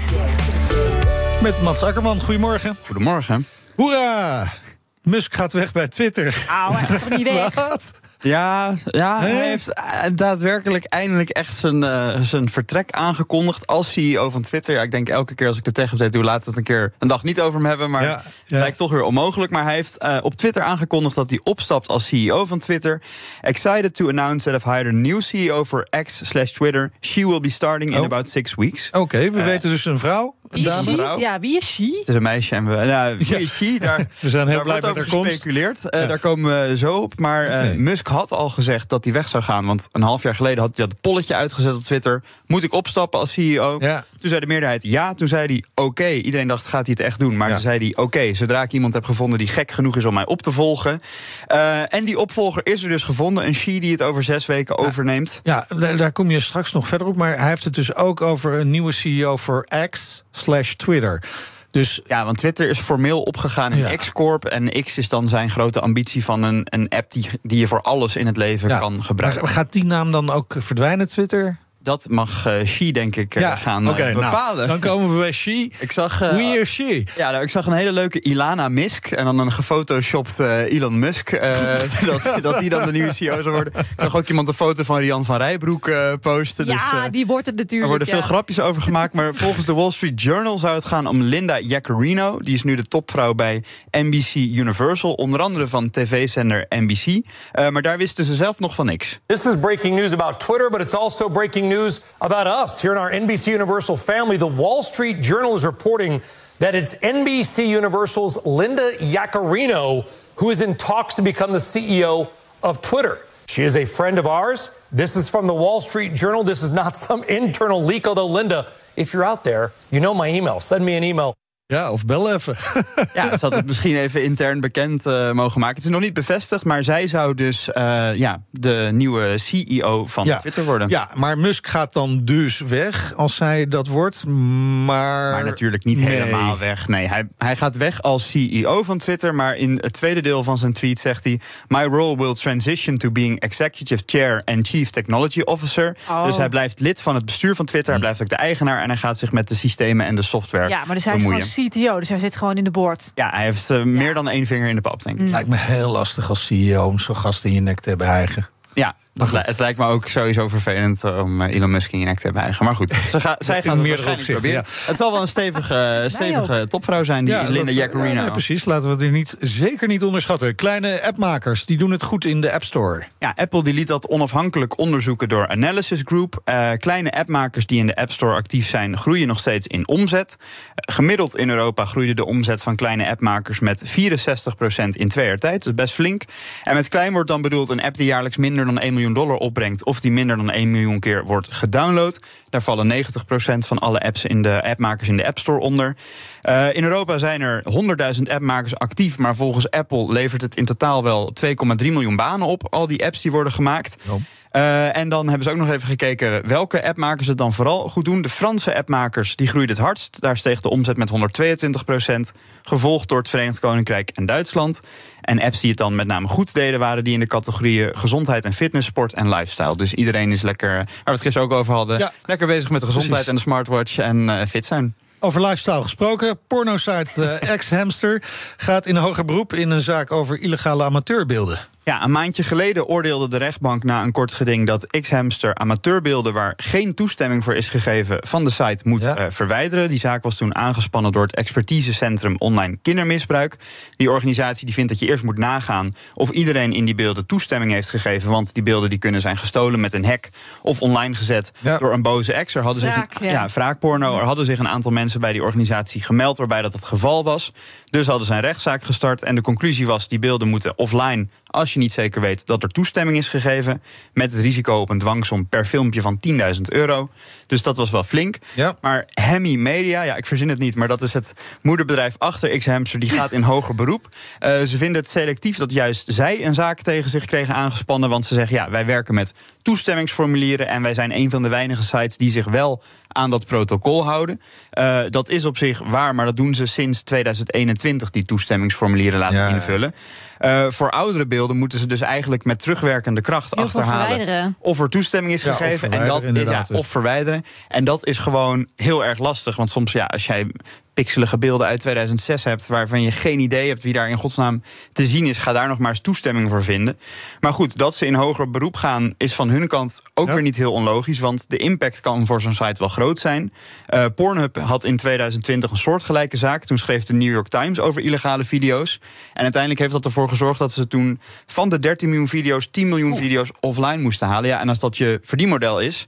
eh, ja, dan kan het dus wel waard zijn om misschien eh, ja, daartegen in hoger beroep te gaan. Da- straks natuurlijk de schaal van hebben, want het is vrijdag. Wat gaan we testen? Ja, jij vertelde mij afgelopen week dat jij in coronatijd ooit de keuze hebt gemaakt om jouw eh, baard te laten staan. En misschien wordt dit de dag dat we daar een eind aan kunnen maken. Oh want ik heb een heel mooi eh, scheerapparaat meegenomen. De Oh, je hebt hem Philips al gebruikt, zie ik. OneBlade 3 360. Ja, ik kan hem niet meer testen nu, want ik heb hem al thuis getest. Oh, nee. Dus we zoeken een proefpersoon. Ga jij hem hier in de studio testen? Ja?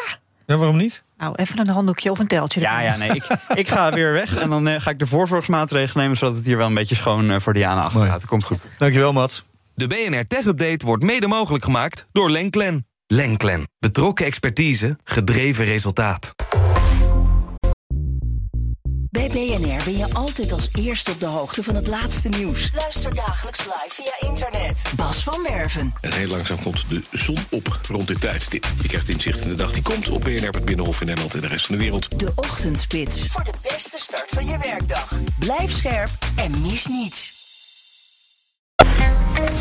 Blijf scherp. BNR Nieuwsradio. De Ochtendspits. Meindert Schut. Het is drie minuten over half negen op eh, vrijdag 12 mei. Goed dat je luistert. Er is flink wat ruzie geweest binnen de Duitse regering, maar het is er toch van gekomen. Costco, Chinese rederij in handen van de Chinese staat, krijgt zo'n 25% aandeel in de haven van Hamburg. Hoewel er eh, veel weerstand is en was binnen de coalitie, heeft de Duitse regering dit besluit er toch doorheen gedrukt. Scholz lijkt hiermee de angst voor spionage, eh, spionage en risico's voor de nationale veiligheid te negeren. We praten erover met onze, onze correspondent Dirk Marseille in Duitsland. Goedemorgen, Dirk. Goedemorgen, Meijnerd. Ja, er was dus, zoals gezegd, veel verzet hè, tegen die deal. Hoe wist eh, Scholz het er toch doorheen te drukken? Door het eh, machtswoord te spreken. Dus eh, hij heeft uiteindelijk zelf persoonlijk eh, de toestemming gegeven dat het verkocht mocht worden. 24,9 procent krijgt Costco inderdaad in één terminal in de Hamburgse haven.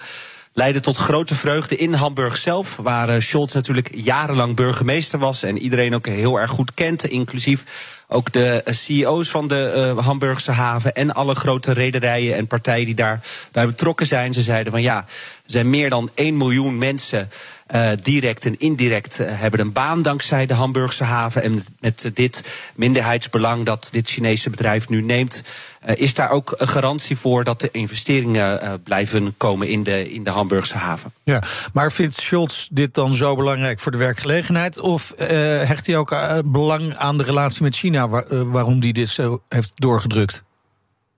Ja, dit is op heel veel niveaus een ontzettend interessante strategische kwestie. Eerder deze week eh, zei Scholz nog eh, in eh, Straatsburg bij een toespraak dat hij slimme decoupling wil, dus van China. Ehm, dat was eigenlijk een toespraak die weerspiegelt dat in het Duitse kabinet er heel verschillend wordt gedacht over hoe om te gaan met China.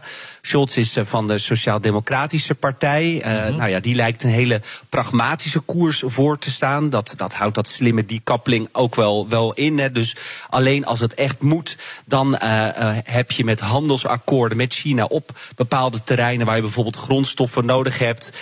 als een soort van ruil met de export die voor Duitsland zo belangrijk is, ook naar China, houdt houd je dan overeind. Maar andere partijen, zoals de Groenen. Uh, in de Duitse regeringen. Die zijn daar tegen. Die vinden dat China veel strenger moet worden toegesproken. Bijvoorbeeld op het gebied van mensenrechten. Uh, en die toespraak in Straatsburg was eigenlijk een soort van toezegging van Scholz. Want een slimme decouplering is in elk geval een decouplering. Um, en daarmee leek hij ook uh, zijn eigen China-koers wat strenger te gaan voeren. Maar ja, vermoedelijk krijgt hij dan dit soort deals er toch ook voor terug. Kan hij nu een machtswoord ja. spreken in de Duitse regering als het om deze kwestie gaat? Heeft daarbij eh, bijvoorbeeld het ministerie van Economische Zaken, maar ook andere adviesorganen die dicht bij de regering zitten genegeerd. En heeft uiteindelijk gezegd: nee, ik vind het belangrijk genoeg. Ja, en in Duitsland wordt ook gezegd dat komt omdat Scholz meer die pragmatische koers ten opzichte van China voorstaat. Maar goed, die weerstand komt natuurlijk ook niet zomaar ergens vandaan. Hè? Je hebt het net over die groenen die het over mensenrechten hebben. Maar zelfs de Duitse inlichtingendienst heeft gewaarschuwd. Uh, vanwege gevaren voor spionage bijvoorbeeld. Waar, waarom luistert Scholz daar niet naar? Um, Scholz die vindt uiteindelijk dat, dat er een pragmatische koers met China ja. moet worden gevoerd. En hij zegt die 24,9 procent, het minderheidsbelang in één terminal. Hè, wat bijvoorbeeld de Chinezen ook in Rotterdamse terminals hebben om het daarmee te vergelijken. Is weliswaar inderdaad onderdeel van een kritische infrastructuur. Er komen natuurlijk allerlei goederen langs. Er is ook heel veel data rondom uh, die goederenstromen. Uh, die komt dan ook voor een deel in Chinese handen. Maar hij zegt ja, uiteindelijk is een minderheidsbelang dan uh, toch uh, niet groot genoeg om dat gevaar daadwerkelijk ook uh, in de praktijk tot, tot een, een negatief besluit te laten leiden. Um, Scholz uh, gaat ermee inderdaad ook in uh, tegen de inlichtingendiensten. Die hebben gezegd van ja, dit is wel een gevaar. En er wordt nu ook geschreven aan een voorstel waarin uh, nog dat begrip kritische infrastructuur beter wordt uitgewerkt. Ja, en zo zie je dan dat het in zo'n regering met ja, deze deal gaat dan door, maar zo'n voorstel wordt dan wel geschreven. Dus hoe gaat het dan in de toekomst? Ja, dat daar dan politiek wordt bedreven rondom zo'n deal. Ja, in Hamburg is men blij, zei je al. Hè? Uh, als we dan kijken naar het belang van China, wat, wat krijgen ze ervoor terug? Nou, in elk geval een stevige voet tussen de deur. Um, ze kunnen natuurlijk nu als onderdeel van die terminal uh, weliswaar met 24,9 procent, maar gewoon meekijken, meekijken in de boeken, meebeslissen. Uh, uh, het is natuurlijk ook gewoon voor een deel handel voor hen. Er is gewoon een economisch belang ook aan, aan, aan bij betrokken. Maar ja, je bent toch een van de partijen als aan tafel als je eigenaar bent. En het is ook symbolisch voor de invloed van China. Zullen ze ook zeggen, ja, Hamburg, een van de grootste havens in, uh, in Europa samen met, uh, met Rotterdam. Daar hebben we toch mooi maar dit uh, belang in genomen. Zijn daar mede-eigenaar van. Past in de China-politiek om richting 2030, 2050 de belangrijkste economische macht op de wereld te zijn. En voor hen is dit gewoon een hele belangrijke en zeker nu ook door dat verzet juist ook en alle aandacht daaromheen een hele symbolische stap voor hen. En ja, in China uh, wordt dit, uh, wordt dit uh, ja, met enorm gejuich ontvangen. Dat ze nu in Duitsland, in dat land wat ze ook zo bewonderen om de kwaliteitsproducten, zo'n strategische stap hebben kunnen zetten. Dankjewel, correspondent Dirk Marseille vanuit Duitsland. Dan gaan we naar Amerika, want daar heeft het Witte Huis een ingrijpend plan gepresenteerd dat de uitstoot van broeikasgassen drastisch moet gaan terugdingen. Het uh, Milieuagentschap daar wil gas- en kolencentrales dwingen om klimaatvriendelijke technologieën toe te passen. Kun je denken aan methodes die de uitstoot verminderen, die de gezondheid beschermen en ook nog de planeet. Amerika is na China officieel, volgens wetenschappers, de grootste klimaatvervuiler. Energiecentrales die zijn verantwoordelijk voor een kwart van de uitstoot. En door die te dwingen om CO2-affangapparatuur te installeren, kan je dus die uitstoot beperken. Milieugroeperingen en wetenschappers die waarschuwen natuurlijk al langer dat er echt grote stappen moeten worden gezet om de opwarming van de aarde tegen te gaan. En dit kun je zeggen is toch wel echt de meest ambitieuze poging tot nu toe van de regering Biden. Amerika heeft gezegd al rond het jaar 2035 de netto-uitstoot van de energiesector tot nul te willen terugbrengen. Ik zeg succes. Ja, dan gaan we naar Turkije, want daar eh, vinden zondag een belangrijke verkiezingen plaats. De Turkse bevolking stemt zondag voor een nieuwe president en een nieuw parlement. En dat kan betekenen dat Turkije na 20 jaar Erdogan een nieuwe politiek leider krijgt. Het lijkt een spannende strijd te worden. Erdogan en zijn uitdager eh, Kili Daro- Daroglu eh, die gaan tot nu toe redelijk gelijk op. En volgens Petra de Bruin, eh, universitair docent Turkse studies aan de Universiteit Leiden, is het een kwestie van erop of eronder voor Kilis Daroglu. En dan. Eerst moeten we natuurlijk kijken of Erdogan de macht wel overgeeft. Ja. En er zijn natuurlijk eh, in de afgelopen weken al meerdere geweldsincidenten geweest. waarbij eh, waarschijnlijk radicale aanhangers van de AKP ook betrokken waren. Eh, en die worden op het moment ontzettend opgehitst door die uiterst haatdragende speeches van eh, Erdogan. En dan, eh, ja, eh, de AKP laat het ook een beetje lijken alsof die ver- verkiezingsnederlaag een koep is die door het Westen gesteund wordt. Eh, ik weet het niet, dat is natuurlijk speculeren, maar misschien roepen ze de bevolking wel op om de straat op te gaan en in opstand te komen, net als bij de koep in 2016. Het, eh, maar ja, goed, laten we veronderstellen dat, eh, dat het allemaal soepel gaat. Dan erft Kılıçdaroğlu natuurlijk een land met een enorm, die in, wat in een enorme zware economische crisis is. Er is een torenhoge inflatie, maar ook een enorme overheidsschuld. Er wordt heel veel geld uitgegeven. Het is een beetje vergelijkbaar met Griekenland en Spanje eh, een aantal jaren geleden. En dat zal tijd kosten om dat te herstellen. En dat betekent dat er dus ook allerlei impopulaire maatregelen nodig zijn. En dan zit de AKP natuurlijk in de oppositie. En die zal natuurlijk alles wat er fout gaat breed uitmeten. En eh, bovendien is het natuurlijk ook zo dat het gerechtelijk en staatsapparaat nog grotendeels uit AKP-gezinden bestaat. Er zijn hele grote bedrijven die verbonden zijn aan de AKP. En wat je natuurlijk ook niet moet uitvlakken, is dat 95% van de media in handen is van AKP-gezinden. Ja. Hoe groot acht u zelf de kans dat, dat dit gaat lukken voor Kılıçdaroğlu? Want volgens mij eh, staat hij nu op 49% in de peilingen, de meest recente. En Erdogan op 43. Dus het is wel echt een voorsprong. Maar het ligt nog heel dicht bij elkaar. Wat denkt u? Ja. Ik weet het niet, moet ik heel eerlijk zeggen. Ik bedoel, het is een kwestie van eh, erop of eronder. Ik bedoel, ja, eh, ik, ik heb er nog steeds een beetje een hard hoofd in, om, om je heel eerlijk te zeggen. Maar dat is mijn persoonlijke mening. Ik hoop natuurlijk van harte dat uh, Kılıçdaroğlu uh, zal winnen. En uh, nou ja, dat dus ook die overgang allemaal goed zal lopen. Maar uh, ik, ik, ik, ik ben er moeten niet nog zien. op. Ja. Ver- Verwacht u wel er eerlijke verkiezingen? Want er gaan natuurlijk een hoop waarnemers daar naartoe. Verlopen de verkiezingen over het algemeen eh, soepel en, en, en netjes daar? Mm, Nou, nee.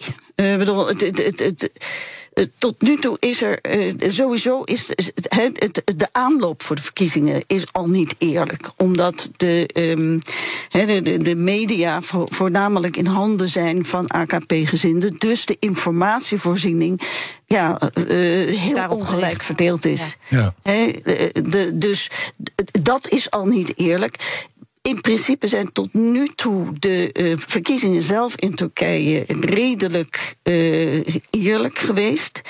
Eh, in, in de zin van stembusfraude en andere dingen. Maar of dat dit keer ook het geval zal zijn, is lang niet duidelijk. Je merkt dat de AKP er alles aan doet om eh, ja, eh, eh, dingen in te bouwen. Ik, van de week was er een bericht over een soort politiemacht. Waar dan eerst de stemmen naartoe, de uitslagen van de verkiezingen naartoe zouden moeten. Die in handen is van, van, van, van de regering. Dus ja. Ook dat, daar zal ook nog een hele hoop aan moeten gebeuren. Het is natuurlijk wel zo dat de, dat, de, dat de oppositie zich daar ook heel erg van bewust is. Dus ze zitten er bovenop. Ja, nou, nou hebben nog heel veel Turken eh, eh, eh, te maken met de gevolgen van die zware aardbeving hè, die eh, in Turkije heeft plaatsgevonden en in, in Syrië. Speelt dat nog wel een rol in de verkiezingen? Ehm, Ja, ik denk het wel. Ik bedoel, uh, maar wat je de laatste tijd ook wel ziet in, in berichten in ieder geval erover, is dat he, mensen die getroffen zijn door de aardbeving, dat die uh, ja, dan toch maar weer op de regering gaan stemmen. Want ja. de regering heeft uiteindelijk toch wel wat gedaan. En bovendien zijn veel mensen uh, natuurlijk ook weggetrokken uit dat gebied en zullen hun stem niet kunnen gebruiken. Ja. Er wordt ook gestemd over het, uh, het parlement. Hè. Het kan dus ook zomaar zijn dat uh, Kılıçdaroğlu wel de president van Turkije wordt, maar dat hij in het parlement zijn partij geen meerderheid heeft. Hè, en dat de AKP daar gewoon nog aan de macht is. Wat zou dat betekenen voor ja, al die ontwikkelingen waar, waar je het over had, hè, die, die nodig zijn voor Turkije om er weer bovenop te komen? Nou, dat is een heel vervelende situatie. Het is niet zozeer de. de kijk, dat de Cumhuriyet Halk Partij, dus de Volkspartij, de Republikeinse Volkspartij van mm. Kılıçdaroğlu, niet de meerderheid zal krijgen, dat staat vast. Uh, zo groot is hun aanhang niet, maar ze hebben een uh, coalitie gevormd.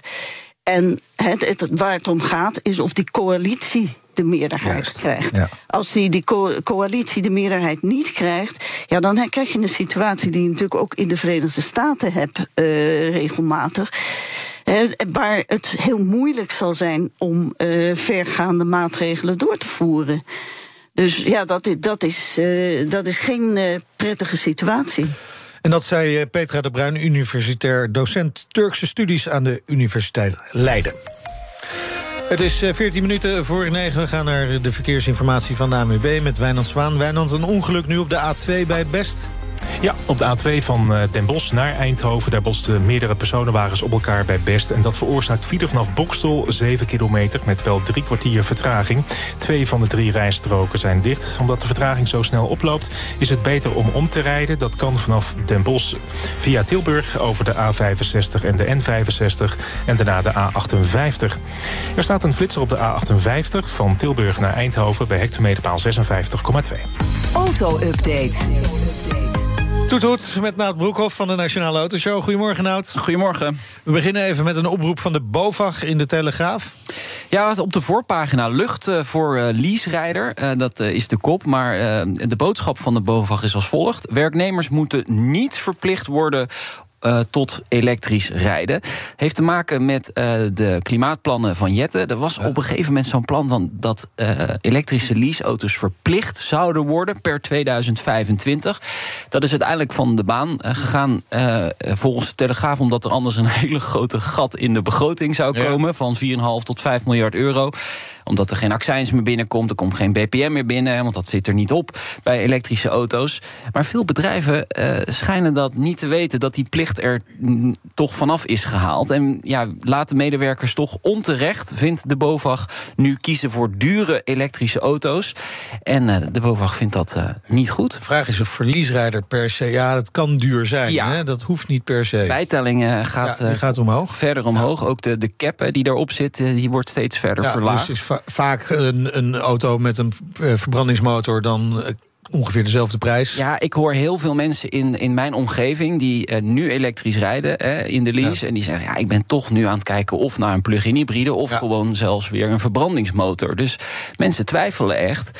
Kijk, en als de werkgever zelf zegt: Bam, je moet gewoon elektrisch gaan rijden. Ja. ja, dan kun je geen kant op. Of je levert je leaseauto in en je pakt een mobiliteitsbudget. En ja. je gaat zelf om een onzuinige of een benzineauto ja, of dieselauto rijden. Een mooie ja. occasion naar Duitsland bijvoorbeeld. Ik denk wel dat je dat uh, gaat, uh, gaat krijgen. Um, uh, trouwens, veel bedrijven hebben ook afspraken gemaakt hè, met elkaar. Dat ze wel in 2025 zo'n fossielvrij wagenpark willen. Hè. We hebben daar ook wel eens aandacht in, aan besteed in BNR Mobility. Dat 30 of 40 bedrijven daar samen een afspraak over hebben gemaakt. Dus dat lijkt me prima. maar ja, je ziet wel dat die bijtelling verder oploopt. En dat de leaserijder het wel moet gaan betalen uiteindelijk. Ja, ja en als je dan een dure elektrische auto kiest, dan betekent dat niet gelijk dat je zonder problemen zit. Nee. Hè? Want het nieuwe vlaggenschip van Volvo, de EX90, ja. elektrische SUV. Heeft wat probleempjes. Ja, opvolger van de, de XC90, lang verwachte volledig elektrische auto. Het vlaggenschip eh, van eh, Volvo in de toekomst. Er zit veel nieuwe technologie in. Het onlangs ook eh, over gehad in een, podcast, Breek de Week, die wij door de weeks maken met, ja. met Wouter. Het is een ingewikkelde ja, auto dan natuurlijk. En dan krijg je wel eens problemen. Bijvoorbeeld met de software. En dat is dus nu aan de hand. ze hebben meer tijd nodig om dat goed te krijgen, om dat te testen. Dus er kwam er gisteravond een statement dat de productie van de EX9 is 90 is uitgesteld uh, tot uh, de eerste helft van 2024. Dat is een, vrij groot uh, ja, tijdspanne. Dus eigenlijk zou die dit najaar al van de band gaan ja. rollen. Maar dat gaat dus niet gebeuren. Ik heb wel een beetje déjà vu gevoel. Hè? Want ik kan me herinneren dat de XC90 plug-in hybride ook nogal wat problemen hadden. Met, met het accupakket. Met het accupakket en de software. Sommigen rijden nog steeds niet. ja, zijn gewoon ingeleverd en nooit meer gaan rijden. Nee, um, Volkswagen heeft natuurlijk ook problemen gehad met, met software. De ID3 nog altijd. De, de, de, de nieuwe elektrische Macan is ook nog altijd niet op de markt vanwege dit soort uh, problemen. Ja. Dus uh, ja, dat, dit is schijnbaar toch moeilijk om dat allemaal goed te krijgen. En als je het op de markt brengt, wil je het ook meteen ja. goed doen. Ja, want, want Volvo heeft niet alleen problemen met de EX90, ook het zustermerk Polestar kampt met problemen. Zijn die ja. vergelijkbaar? Ja, tuurlijk. Want je, de, de, ze bouwen de auto's Dele op hetzelfde platform. Ja, dus dit gaat over de Polestar 3 dat is uh, de nieuwe SUV van Polestar. Die zou eigenlijk nog eerder dan de EX90 op de markt komen. Maar ook die wordt dus nu vertraagd. De start van de productie is in het eerste kwartaal van 2024. Dat iets specifieker dus dan de EX90... die in de eerste helft dan pas van de, de band gaat uh, rollen. En dat heeft dus gevolgen ook voor de productiedoelstellingen van uh, Polestar. Die worden nu naar beneden bijgesteld. Niet 80.000 auto's dit jaar, maar 60 tot maximaal 70.000 auto's... gaan ze dit jaar leveren. En dat is toch een forse tegenvaller. Daarbovenop komt nog een kostenbesparing, wordt ook aangekondigd. Er is een personeelstop ingevoerd vanaf nu. En 10% van het huidige personeelsbestand van Polestar wordt ontslagen. Okay. Niet zo'n lekker verhaal. Nee, is niet zo'n lekker verhaal. Nee. Vroeger had je ook uh, uh, auto's waar je mee continu mee naar de garage moesten. Dat waren wel ja. gave auto's, bij Alfa Romeo 156 bijvoorbeeld. Berucht natuurlijk. Hè. Ja. ja. heel gaaf dat je dan een Alfa kon leasen. Maar ja, je stond elke week bij de garage. Renault Laguna. Ja, ja die heb ik nog gehad. Ja, ik, had, ik weet het. Ja, die, die van mij wordt op, denk ik, op een maandagochtend gebouwd door uh, een andere nationaliteit dan een Fransman. Want die zat goed in elkaar, overigens, oh. mijne. Ik had weinig problemen, behalve okay. totdat ik een lekker band kreeg. Toen ging dat lampje continu branden. Maar oké. Okay. Uh, het ging nooit meer uit. Nee, dat ging, nee, nee, dus, ik heb een paar keer geprobeerd, maar uh, die blijft meer aan. Saab ook, hè? Dus als het dan weer... Ja, nee, er zijn meer merken die dat probleem hebben. Uh, over Frankrijk gesproken. Ja. Uh, Frankrijk gaat de verkoop van Europese elektrische auto's stimuleren. Ja, dat meldt uh, de... Dus even een signaal aan China, hè? Ja, ja en aan Amerika. De, de Europese nieuwssite Politico heeft dat gemeld. een plan van president Macron. een antwoord op de Inflation Reduction Act. Hè. Frankrijk is het eerste land in de EU die dit wil gaan doen. Hè. Dus waar in Europa geproduceerde elektrische auto's... dus niet alleen Frankrijk, maar in Europa geproduceerde elektrische auto's... extra stimulans gaan krijgen. En daarmee moet dus die concurrentiepositie van Europese auto's verbeterd worden. Uh, we hebben dit ook gehad in Amerika. Die, daar krijgen Amerikaanse um, uh, elektrische auto's uh, ja. meer subsidie. En daar was Europa heel erg boos over. Nee, dat mag niet. Maar waarom ik... doet Europa dat in? Niet dan gewoon, hè? Ja, dat is weer uh, Europa. We werken nooit. We werken wel samen, maar nooit echt goed. Dat, dat is eigenlijk hoe het, hoe het ja. bij ons werkt. en ja, Amerika heeft toch een federaal systeem, dus dat is toch net even iets anders. Maar um, de invulling van het plan heb ik nog niet, want okay. dat wordt waarschijnlijk volgende week pas bekendgemaakt. Maar hij reageert zelf meteen ook al op het protectionisme, hè, want dat krijg je dan gelijk. Hij zegt: nee, dat is niet zo. Wij gaan de markt niet sluiten voor die Amerikaanse nee, nee, nee. merken. Het wordt alleen duurder. Ja, eigenlijk wel, ja. Dat is, ja, ja, ja. Dat is precies wat hij zegt. Als Frankrijk hier nu mee begint, is de kans natuurlijk ook echt wel groot dat de rest van uh, Europa of andere Europese landen gaan volgen. Ja, ja dat denk ik ook. En uh, vergeet niet, uh, Frankrijk heeft toch nog wel echt een paar hele grote autobouwers. Hè? Dus Renault, Peugeot, Peugeot Citroën. Ja, Citroën. Dus die merken staan natuurlijk te springen om dit plan. En ik, ik ja, dit, dit gaat Duitsland natuurlijk ook doen. En, en, Italië ook. Ja. En Spanje ook. Ja, dat kan niet anders. Hey, we gaan even naar Formule 1. Uh, Nick de Vries heeft eindelijk dan een stoeltje in de Formule 1. Ja. rijdt nog niet echt een deuk in een pakje boter. En dat betekent dus ook dat er discussie ontstaat over zijn positie. Ja, nou, de, de, druk, de druk neemt hoge vormen aan. Want eh, hij krijgt nog een paar races, twee à drie, Oh. de tijd om eh, beter te gaan presteren bij Alfa Tauri. Anders is het gewoon afgelopen met Nick de Vries in de Formule 1 voelde je eigenlijk al een klein beetje aankomen. Hij presteert natuurlijk niet goed. Maar eh, motorsport.com meldt het nu ook. Eh, een vervanger schijnt al klaar te staan. Er wordt gesproken over eh reserverijder eh, Daniel, Daniel Ricciardo. Ja, Ja. van Red Bull Racing. Hoewel dat ook weer ontkend wordt door andere partijen in, in de Formule 1. Daar, daar zou Liam Lawson op ja. pole position staan. Die is 21 en die zit in een opleidingsprogramma van Red Bull Racing. Die heeft misschien nog wat meer toekomst dan Ricciardo. Maar ja, Ricciardo heeft natuurlijk wel veel meer ervaring in, in de Formule 1. Dus ik ben benieuwd eh, hoe Nou, dat gaat aflopen. uit het verleden? Ja, die, dat is altijd geen garantie natuurlijk. Want hij heeft bij McLaren ook niet echt lekker gepresteerd. En bij Renault was het ook niet veel. Hij heeft wel heel veel geld verdiend in al die jaren. Dus eh, hij zit er wel lekker warmpjes Zeker. bij. En bij Red Bull Racing zal hij ook wel een aardig zakcentje krijgen. Maar hij zou dus ook al een stoeltje hebben gepast bij Alfa Tauri. Ik denk van ja, hij is Red Bull Racing eh, coureur. Dus ja, als hij ooit een keer moet invallen... als iemand eh, tegen de muur rijdt, dan moet je sowieso een stoeltje hebben. Dus of dit nou echt de reden zal zijn dat hij in gaat stappen... als de Vries eruit wordt gehaald, dat, dat weet ik niet. Maar ook wel ergens wel, wel weer sneu voor, voor de Vries. Hè? Zeker. Want hij werd Ja, hij hij heeft nog de kans, hè? Laten we hem niet... eh, ja, hij werd natuurlijk de hoogte ingeschreven eh, vlak voor het seizoen. Zijn, zijn, zijn debuut was natuurlijk ook fantastisch. Ja. Vorig seizoen. Monza. Ja, in Monza, ja. ja. Hey, eh, vanmiddag in de autoshow. Eh, onder andere gaan we het over eh, de eh, Bonhams Motoring hebben. Eh, Bonhams is natuurlijk een veilinghuis, heeft ook een eh, autodivisie. En daar is een Nederlander de baas van. Die gaat eh, die eh, Bonhams Motoring eh, ja, eh, een, flinke boost geven als het goed is. Hè? Want je hebt twee hele grote autoveilers. Sotheby's. Ja, en Bonhams. En die vechten een klein beetje tegen elkaar natuurlijk... om de leukste veilingen en de, de mooiste auto's. Dus daar gaan we het vanmiddag over hebben. En jij hebt gereden in... De Smart Hashtag One. Hekje One. Hekje One. Hekje één. Hekje één. Ja. Ja. ja. vanmiddag hoor je daar meer over natuurlijk. Ja, ja. Ja, ik ga nu nog niks verklappen. Ook gebouwd... Achterwielaandrijving trouwens. Ja. Past hij erin? Nou, dat is een interessante. Ruim, ruim paste ik erin. was best Nina. positief, toch? Ja. Ja, Ja. maar of ik erin paste. Oh, zo, ja, ik begrijp nee. die vraag. Ik begrijp de vraag. Hey, eh, maar je moet vanmiddag maar luisteren om drie uur. nieuwe aflevering van de Autoshow. Terug te luisteren, ook in je favoriete podcast app of via de BNR-app. Je hebt eigenlijk geen excuus om niet te luisteren. En als je je abonneert, dan krijg je hem ook nog automatisch in je telefoon. Altijd als eerste. Zo is dat. Dankjewel, Doei. Nout. De auto-update wordt mede mogelijk gemaakt door Leaseplan. Leaseplan. What's next?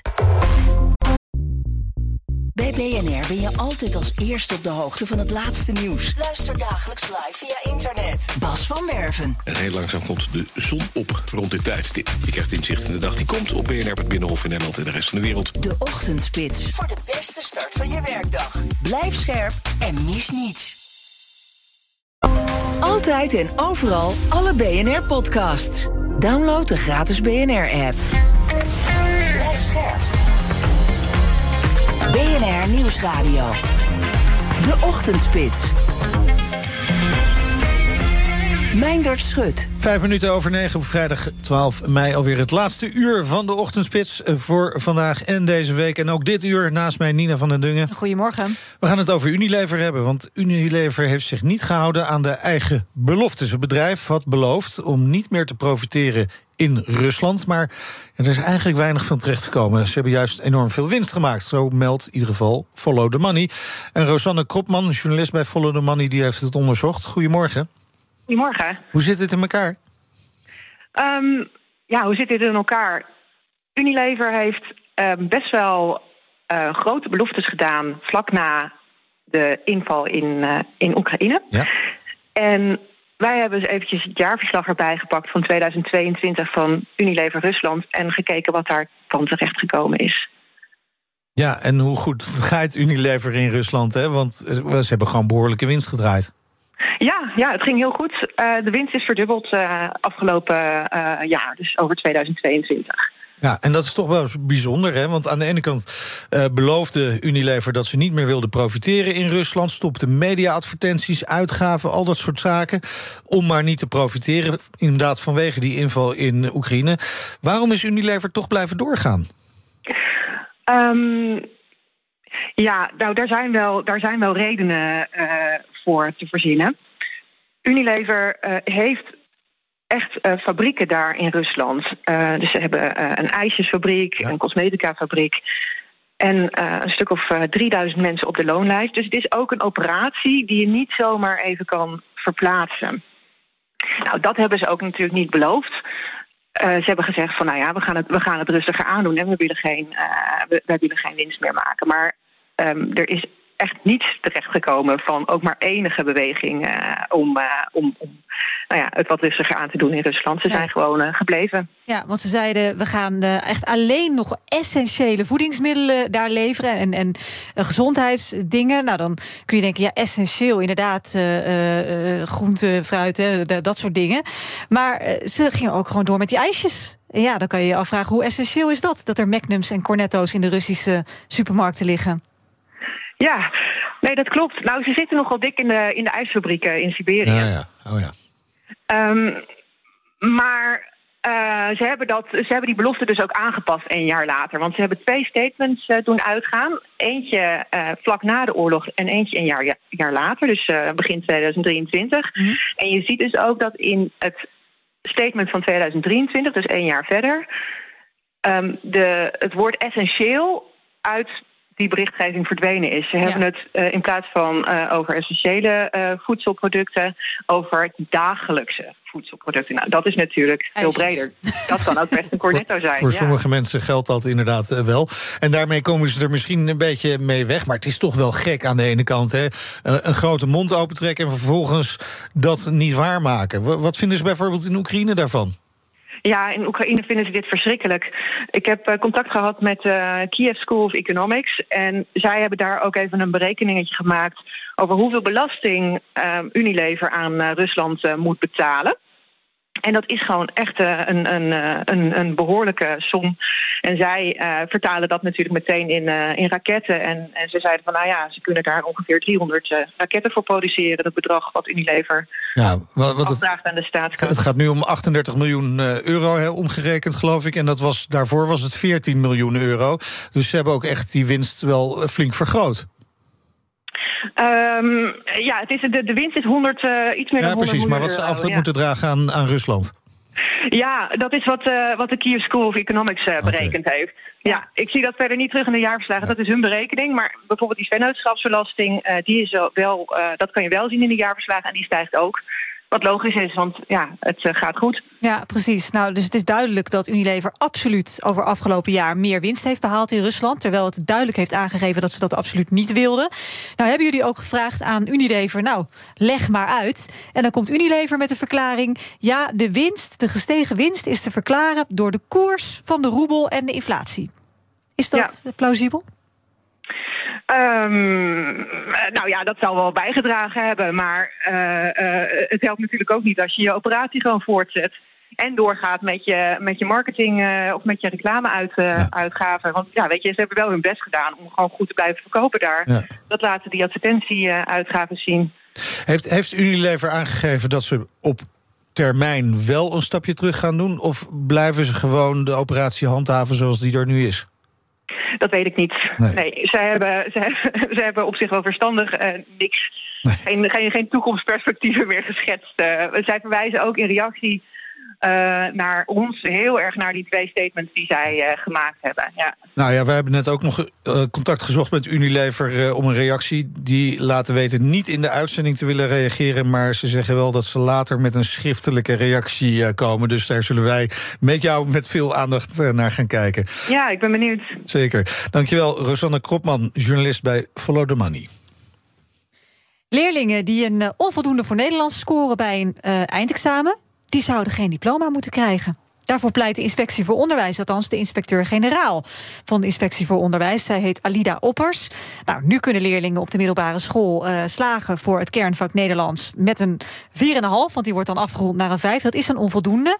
Uh, en dat is dus een kernvak samen met Engels en wiskunde. Ja, dus moet je dus voor Engels en wiskunde staan. moet je wel ja. uh, zeker een voldoende halen. Precies, daar moet je dan echt een voldoende staan op je eindlijst. Dan mag je een onvoldoende hebben voor Nederlands op die eindlijst.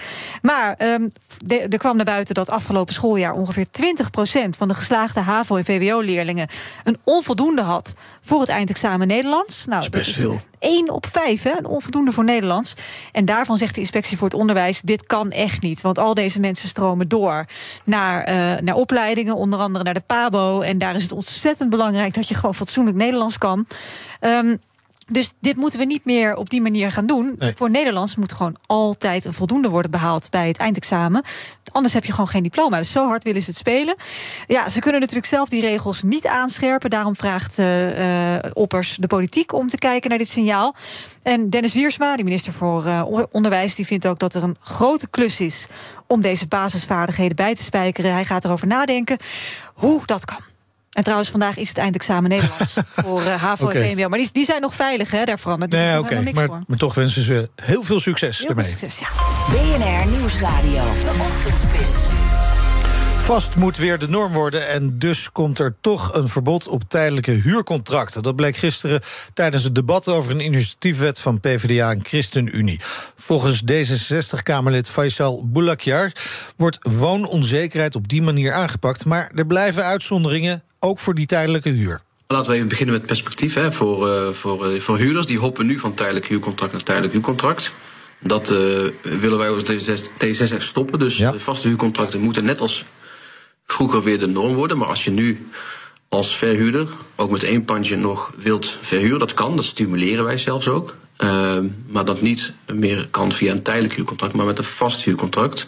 Dat is niet alleen maar ja, goed voor de zittende huurder, meer zekerheid voor de huurder, maar ook volgens mij wel een goed, stabiel eh, inkomen en een goed rendement voor de verhuurder. Oké, dus dat is, dat is de wens. Hè? En dat is op zich ook wel begrijpelijk. Zeker ook voor de huurders die niet eh, steeds van tijdelijk contract naar tijdelijk contract gaan. Maar eh, er zijn dus uitzonderingen. Welke zijn dat? Nou, die uitzonderingen zijn er nu ook al. Hè. Noem de diplomatenclausule, zoals die heet. Als je bijvoorbeeld voor je werk tijdelijk naar het buitenland eh, moet, of als je eh, gaat samenwonen. Denk ook aan campuscontracten voor eh, de duur van je studie. Dus die, die zijn er wel, die uitzonderingen, die blijven ook bestaan. Maar de generieke mogelijkheid, zoals we die in Nederland sinds 2016 heel veel meer zagen groeien. het generieke mogelijkheid voor het aanbieden van een tijdelijk huurcontract, die is straks niet meer mogelijk. En kan je wel nog eventueel zelf aanspraak maken op je eigen woning? Stel je hebt een, een extra pand en je wilt het uiteindelijk eh, voor je kinderen gebruiken. Is dat nog een optie? Ja, dat, dat- is zeker een optie. Nu ook al. Als je zegt eh, van ik wil in mijn eigen woning terug gaan wonen. eh, dat is nu ook al mogelijk, maar wel via een rechtelijke toets. In, de nieuwe, in het nieuwe voorstel, dit voorstel, wat dinsdag in stemming gaat, is er straks ook de mogelijkheid om bloedverwanten te laten eh, wonen in, je, in, je, in jouw woning. Bijvoorbeeld een, een, een, ja, een zoon Kind, of een ja. kind of, een, of, een scho- of schoonouders zelfs. Dus eh, dat is zeker mogelijk straks ook in, de, in, in het nieuwe voorstel. Ja, nou vreest minister De Jonge hè, dat er eh, veel huurwoningen zullen verdwijnen. We zien nu ook al dat particuliere beleggers hun huurwoningen verkopen. Eh, is dat niet een groot risico van deze maatregelen... dat er nog minder huurwoningen komen? Het belangrijkste argument in 2016 om tijdelijke huurcontracten mogelijk te maken was de wens eh, dat er veel meer huurwoningen op de markt zouden komen. Uit onderzoek, uit rapporten blijkt dat het niet het geval is geweest. Wat wel is toegenomen is de woononzekerheid voor, voor, voor, voor huurders. Ehm, ja, ik zie ergens ook wel die zorg en, ehm, dat er minder huurwoningen zijn. Dat betekent niet dat we huurders moeten verjagen, maar dat we de minister moeten opjagen om veel meer woningen bij te bouwen op de korte termijn. Ik noem. Ja, Ja, maar dat, dat is op de korte termijn blijkt uit alles dat dat heel erg lastig is, hè? Ja, zeker is dat lastig, maar als ik u een voorbeeld ge- ge- geef. Er staan nu duizenden flexwoningen, kant-en-klare woningen in opslag eh, te verstoffen, omdat gemeenten die woningen niet krijgen weggezet, omdat buurtbewoners klagen over de komst van die flexwoningen. Ja. Ja, terwijl we woningen dus hebben in opslag. ehm, eh, staan die, omdat die, die staan te stoffen, zeggen we. Ja, we zien het risico van deze wet. eh, en er zijn er minder huurwoningen in, in het aanbod. Dus Ja, Nee, eh, goed. Maar laten we nog een ander risico hebben. Want ik begrijp heel goed die wens om uh, mensen minder onzekerheid te geven. door gewoon weer vaste huurcontracten aan te bieden. Maar met, met, met het huidige woningaanbod krijg je natuurlijk ook de kans dat veel jonge mensen gewoon eindeloos in hun huurwoning blijven wonen. Omdat ze namelijk gewoon niet aan een andere woning kopen, kunnen komen. Ja, dan, dan los je ook niet zo heel veel op. Nou, ik, ik vind woonzekerheid een heel belangrijk. Zeker, nee, absoluut. Maar dat andere probleem is natuurlijk ook belangrijk. Natuurlijk, ik bedoel, he, woon, woonzekerheid is belangrijk, maar het aanbod zeker ook. Daarom uh, jagen we de minister in ieder debat op om veel meer woonruimte te regelen op de korte termijn. Um, maar die loopt ook tegen de muur op. Sorry? Die loopt ook tegen een muur op van gemeentes die die uh, flexibele woningen niet willen hebben. Nee, dus uh, wij hebben hem uh, veel meer regie, het mandaat gegeven. Dus gebruik die regie ook. Vooral op de korte termijn om te kijken naar die 3,5 miljoen vierkante meter die leeg staat. Nutteloos leeg staat. Ja. Daarmee aan de slag op de korte termijn. Die flexwoningen snel laten landen in al die gemeenten. Maar ook woningbouwcorporaties de mogelijkheid laten bieden aan huurders. Want zij doen nu vaak ook moeilijk, net zoals huur, uh, huur, hypotheekverstrekkers. Woningdelen, veel meer woningdelen toe te staan. Er zijn genoeg mensen, oudere mensen, die zeggen: Ik wil best mijn kamer verhuren aan een student. Maar dat is niet mogelijk, omdat mijn hypotheekverstrekker of de woningbouwcorporatie moeilijk doet. En daar roep ik de minister ook op: maak meer ruimte, juist voor, die, uh, voor het fenomeen woningdelen, zoals die vroeger ook veel meer in ja. Nederland zagen. En die ruimte heeft hij, zegt u? Die ruimte is er, maar die ruimte moet hij wel uh, bieden ook. En even tandje bij, ook goed gesprek met die woningbouwcorporatie en hypotheekverstrekkers. Laat meer woningdelen toe, want er zijn genoeg mensen die zeggen: ik heb nog een zolder vrij, extra kamer vrij, om het te verhuren aan bijvoorbeeld jonge studenten. En dat zegt uh, D66-Kamerlid Faisal Boulakjar. We gaan naar de verkeersinformatie van de ANWB. Het is 18 minuten over 9. Wijnand Zwaan, waar loopt het vast? Het loopt op dit moment vooral vast op de A2 van Den Bosch naar Eindhoven... door een ongeluk tussen Bokstel Noord en Best. Daar staat 8 kilometer file met wel een uur vertraging. Twee van de drie rijstroken zijn dicht. Er komt ook nog een technisch onderzoek, dus het gaat nog wel even duren. Verkeer vanuit Den Bosch kan het beste omrijden via Tilburg... over de A65 en de A58. Verder gebeurde er ook een ongeluk op de A6... Muiden richting Lelystad, voor Lelystad. Er staat nu 5 kilometer file. Het oponthoud vanaf Almere is een half uur. Er wordt geflitst op onder meer de A6 16 van Rotterdam naar Breda bij hectometerpaal 34,3. BNR Nieuwsradio, de ochtendspits. De nieuwe pensioenwet wordt al lange tijd door zowel voor- als tegenstanders heftig besproken. Nu deze er bijna doorheen is, zal het de pensioenwereld flink veranderen ook. Eerder schreef het FD er al over het protest van branchevereniging CMHF... over de juridische kant van de nieuwe wet. Maar ook de inflatie heeft effect op de lange termijn van pensioenen. Niet alleen de nieuwe wet. Nou, de overheid heeft wel al bijgesprongen door 10% op de AOW vast te plakken. Volgens Tim Burggraaf, pensioenexpert bij de EY... heeft dat zeker voor de gepensioneerden een effect. Die krijgen een pensioenuitkering en, die, en uh, ja. daar komt de AOW bovenop. Dus zeker. Uh, voor werkenden ja, valt het te bezien. We houden namelijk in de pensioenopbouw rekening met het feit dat je AOW krijgt. Dus we trekken een stukje van de, je salaris af als je dat dan uitrekent. Dat noemen we dan de franchise. Ja, als je salaris omhoog, of de AOW omhoog gaat, dan gaat een stukje wat we er aftrekken ook omhoog. Dus het is zal de vraag wat je daar dan uh, maar mee opschiet. Ja. En nou zien we eigenlijk dat als je veel verdient, uh, dan trek je een, maar een klein beetje af. En we hebben ook nog een pensioenmaximum in Nederland. En opvallend is dat die ging niet met 10, maar met 12 procent omhoog. Uh, dus mensen die veel verdienen, die gaan eigenlijk meer pensioen opbouwen en krijgen ook meer AOW. Uh, terwijl mensen die weinig verdienen, die gaan minder pensioen opbouwen uh, en krijgen wel meer AOW. Ja. Dus per saldo zit daar nog wat raars in. Ja, en, en is dat nog aan te passen? Nou, uh, eigenlijk niet. Dat is eigenlijk niet aan te passen. Ja, je zou het hele stelsel over ja. te gooien. Nou ja. En dat doen we al per 1 juli. Ja. Uh, en daar blijft dit gewoon overeind. Uh, kijk, de essentie wat hier eigenlijk gebeurt is. Het zijn, het zijn communicerende vaten. En het idee achter pensioenen is hoe meer je van de staat krijgt, hoe minder je zelf hoeft te doen als werkgever en werknemer. Ja, en in dit geval uh, zie je dus dat uh, de pensioenopbouw gaandeweg de rit, en dat is al langer trouwens aan de gang, ja. dat die een beetje uitgehold wordt. Ja. Tim, nou is er echt wel heel veel discussie. Het wordt ook steeds turbulenter, lijkt wel. Want we horen nu steeds meer over dat onze pensioenen echt compleet gaan veranderen. Het is er ook bijna door in de, in de politiek. Uh, misschien moet jij even in een notendop uitleggen, want we gaan allemaal naar ons eigen potje. Hoe dat ook alweer werkt en vooral ook waarom dan ineens vakbonden, zoals CMHF nu, gaan roepen van: oh jongens, uh, maak hier bezwaar tegen, tegen het overzetten van je pensioen voordat het te laat is. Kan je dat in een notendop nog even schetsen, hoe dit er nou aan toe gaat? Ja hoor, zeker.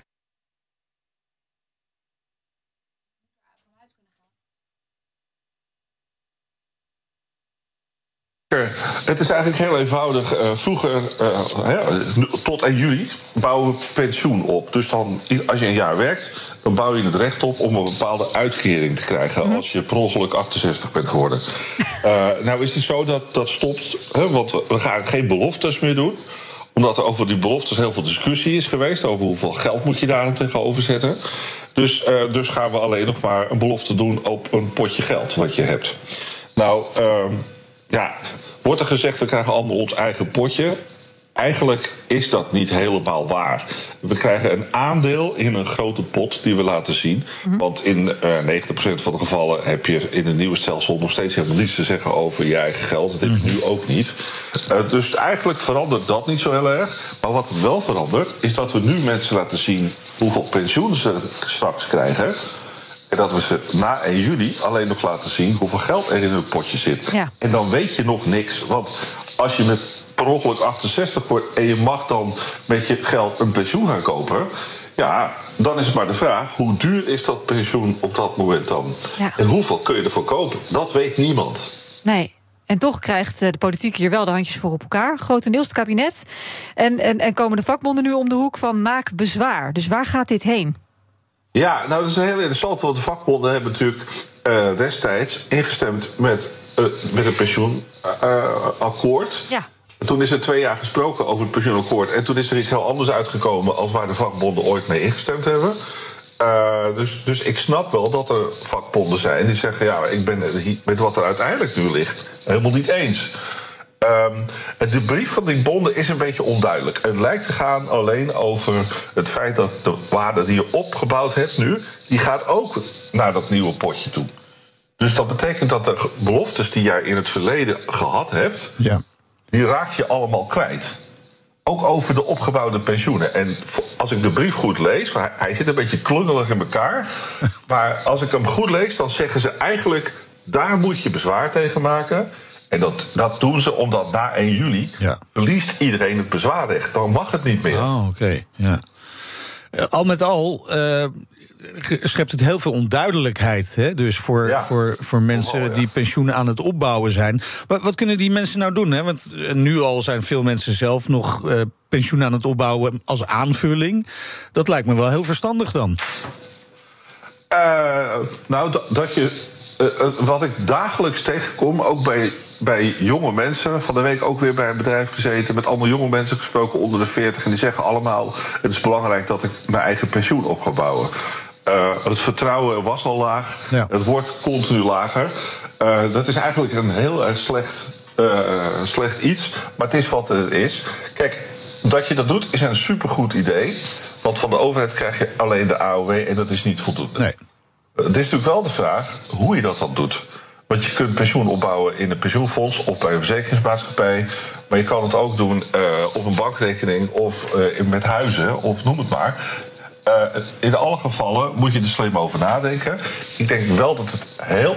Het gaat heel erg belangrijk worden dat mensen veel meer dan nu op hun eigen pensioen gaan letten. Ja. Want in het verleden konden ze gewoon achterover zitten en werd het door het bestuur van de pensioenfonds geregeld. Ja, het is nu jouw potje en ook ja. jouw probleem als het fout ja. gaat. Maar het is wel heel zorgelijk allemaal, hè? Want je, je zegt net ook, het vertrouwen uh, is aan het afbrokkelen in dat pensioen. Terwijl ja, Nederland stond altijd bekend als een land met een van de allerbeste pensioenenregelingen ter wereld. Ja, dat, is heel, heel, dat hoor ik vaker en dat is helaas niet waar. Oh, oké. Okay. Ik, ben, uh, ik ben vijf jaar lang woordvoerder voor dat betreffende rapport geweest. en uh, we hebben in Nederland het, een van de beste pensioenstelsels ter Ja. wereld. Eh, Soms waren we eerste, soms tweede en ook een tijdje derde. Maar wel altijd daar. En dat gaat niet alleen over de tweede pijlerpensioen. Dat gaat over de combinatie van... we hebben een goede AOW die iedereen krijgt. We hebben een opbouw in de tweede pijler... die over het algemeen ook verplicht is... en best degelijk in elkaar zit. En we hebben een hele hoge spaarquote in het derde pijlerstelsel. En als je dat optelt bij elkaar... Dan heb je iets heel dan doen we het heel erg goed. Ja, maar je moet dat wel kunnen optellen. Je moet het wel kunnen optellen. En wat we nu eigenlijk zien is dat er dus een soort verschuiving plaatsvindt. Die tweede pijler, hè, dus de- het werkgeverspensioen, dat neemt gaandeweg de rit gewoon wat af. De AOW neemt wat toe. Maar ja, de realiteit is ook, met inflatie zoals we die nu hebben... welk stelsel je ook hebt, dat ga je nooit bijbenen. Dat lukt je niet. En dat zegt Tim Burgraaf, hij is pensioenexpert bij EY. Bij BNR ben je altijd als eerste op de hoogte van het laatste nieuws. Luister dagelijks live via internet. Bas van Werven. En heel langzaam komt de zon op rond dit tijdstip. Je krijgt inzicht in de dag die komt op BNR, het Binnenhof in Nederland en de rest van de wereld. De Ochtendspits. Voor de beste start van je werkdag. Blijf scherp en mis niets. Blijf scherp. BNR Nieuwsradio. De Ochtendspits.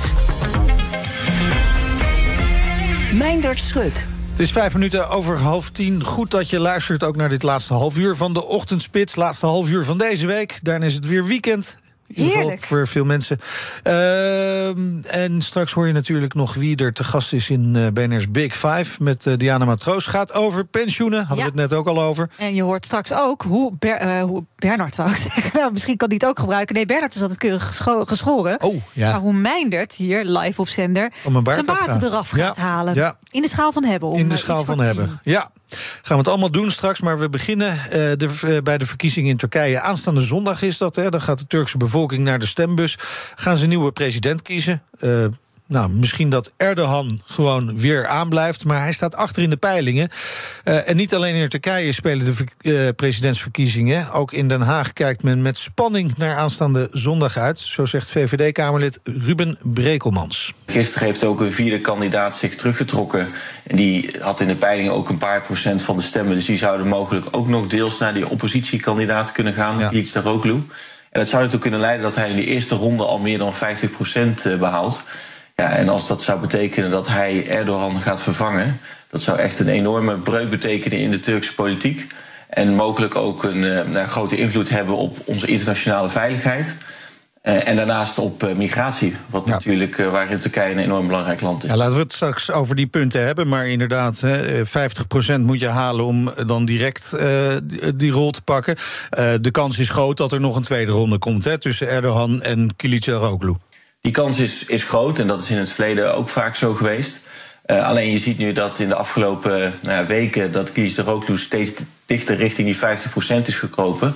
Uh, en dus met het feit dat die vierde kandidaat weggaat en die stemmen nu ook verdeeld gaan worden over drie kandidaten, ja, is er toch wel een kans dat die aankomende zondag al die 50% haalt. De grote vraag is natuurlijk, wat gaat er wezenlijk veranderen in Turkije? Want uh, economisch gaat het nog steeds niet goed met Turkije. En dat gaat ook niet zomaar veranderen als er een nieuwe president komt. Nee, dat klopt. Um, hij heeft wel aangekondigd dat hij een wat gezonder economisch beleid zou gaan voeren. Dus dat hij bijvoorbeeld de rol van de centrale bank zou herstellen. Mm -hmm. Waardoor uh, de inflatie ook beter beteugeld kan worden, die in Turkije echt enorm groot is.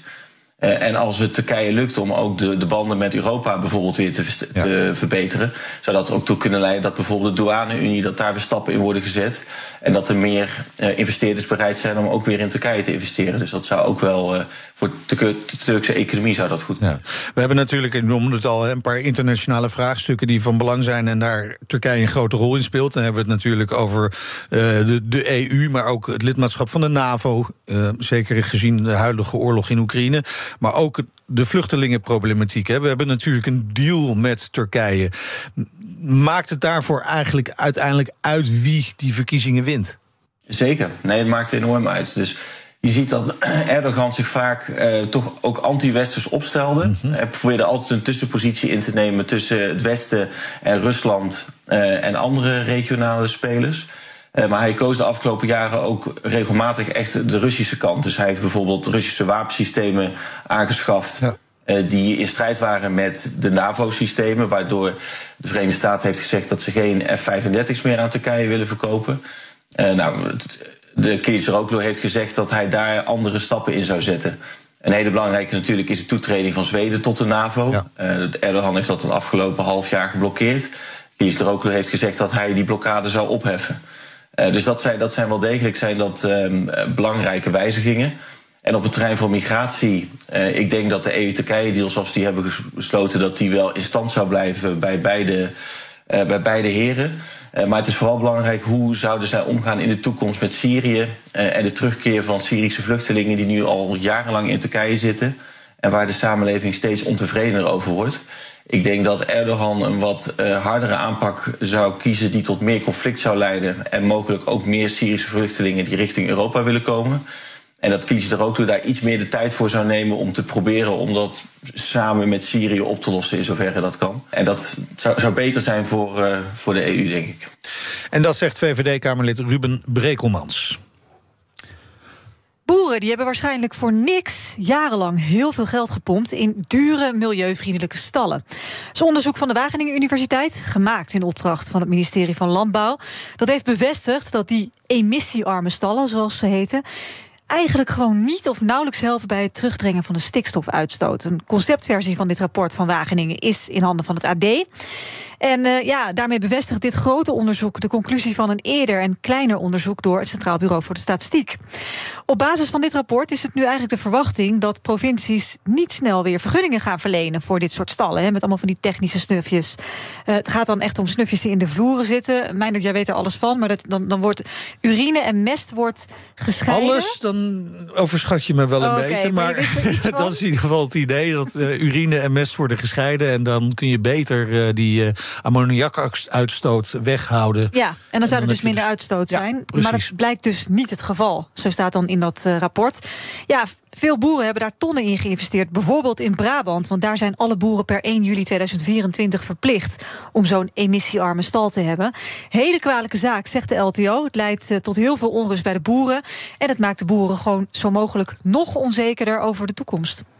Het is een van de meest waardevolle particuliere juwelencollecties ooit... die onder de hamer gaat bij Christie's. Veiling van honderden juwelen van miljardair Heidi Horten.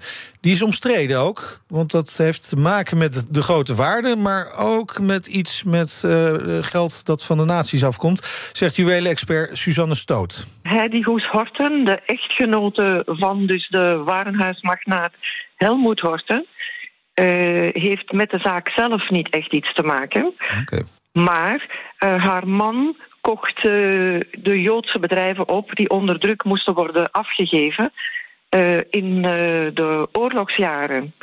En zij is in 1966 met hem getrouwd. Hmm. Dus vandaar dat daar natuurlijk wel de link gemaakt wordt met het kapitaal dat uh, onder andere afkomstig is van het overnemen van Joodse bedrijven voor een lage prijs. Ja, want die, die Helmoet die stond aan het hoofd van een van de grootste supermarktketens, ik zou kunnen zeggen in Duitsland, en heeft dus in de natieperiode in Duitsland verschillende winkels van, van Joden uh, overgenomen.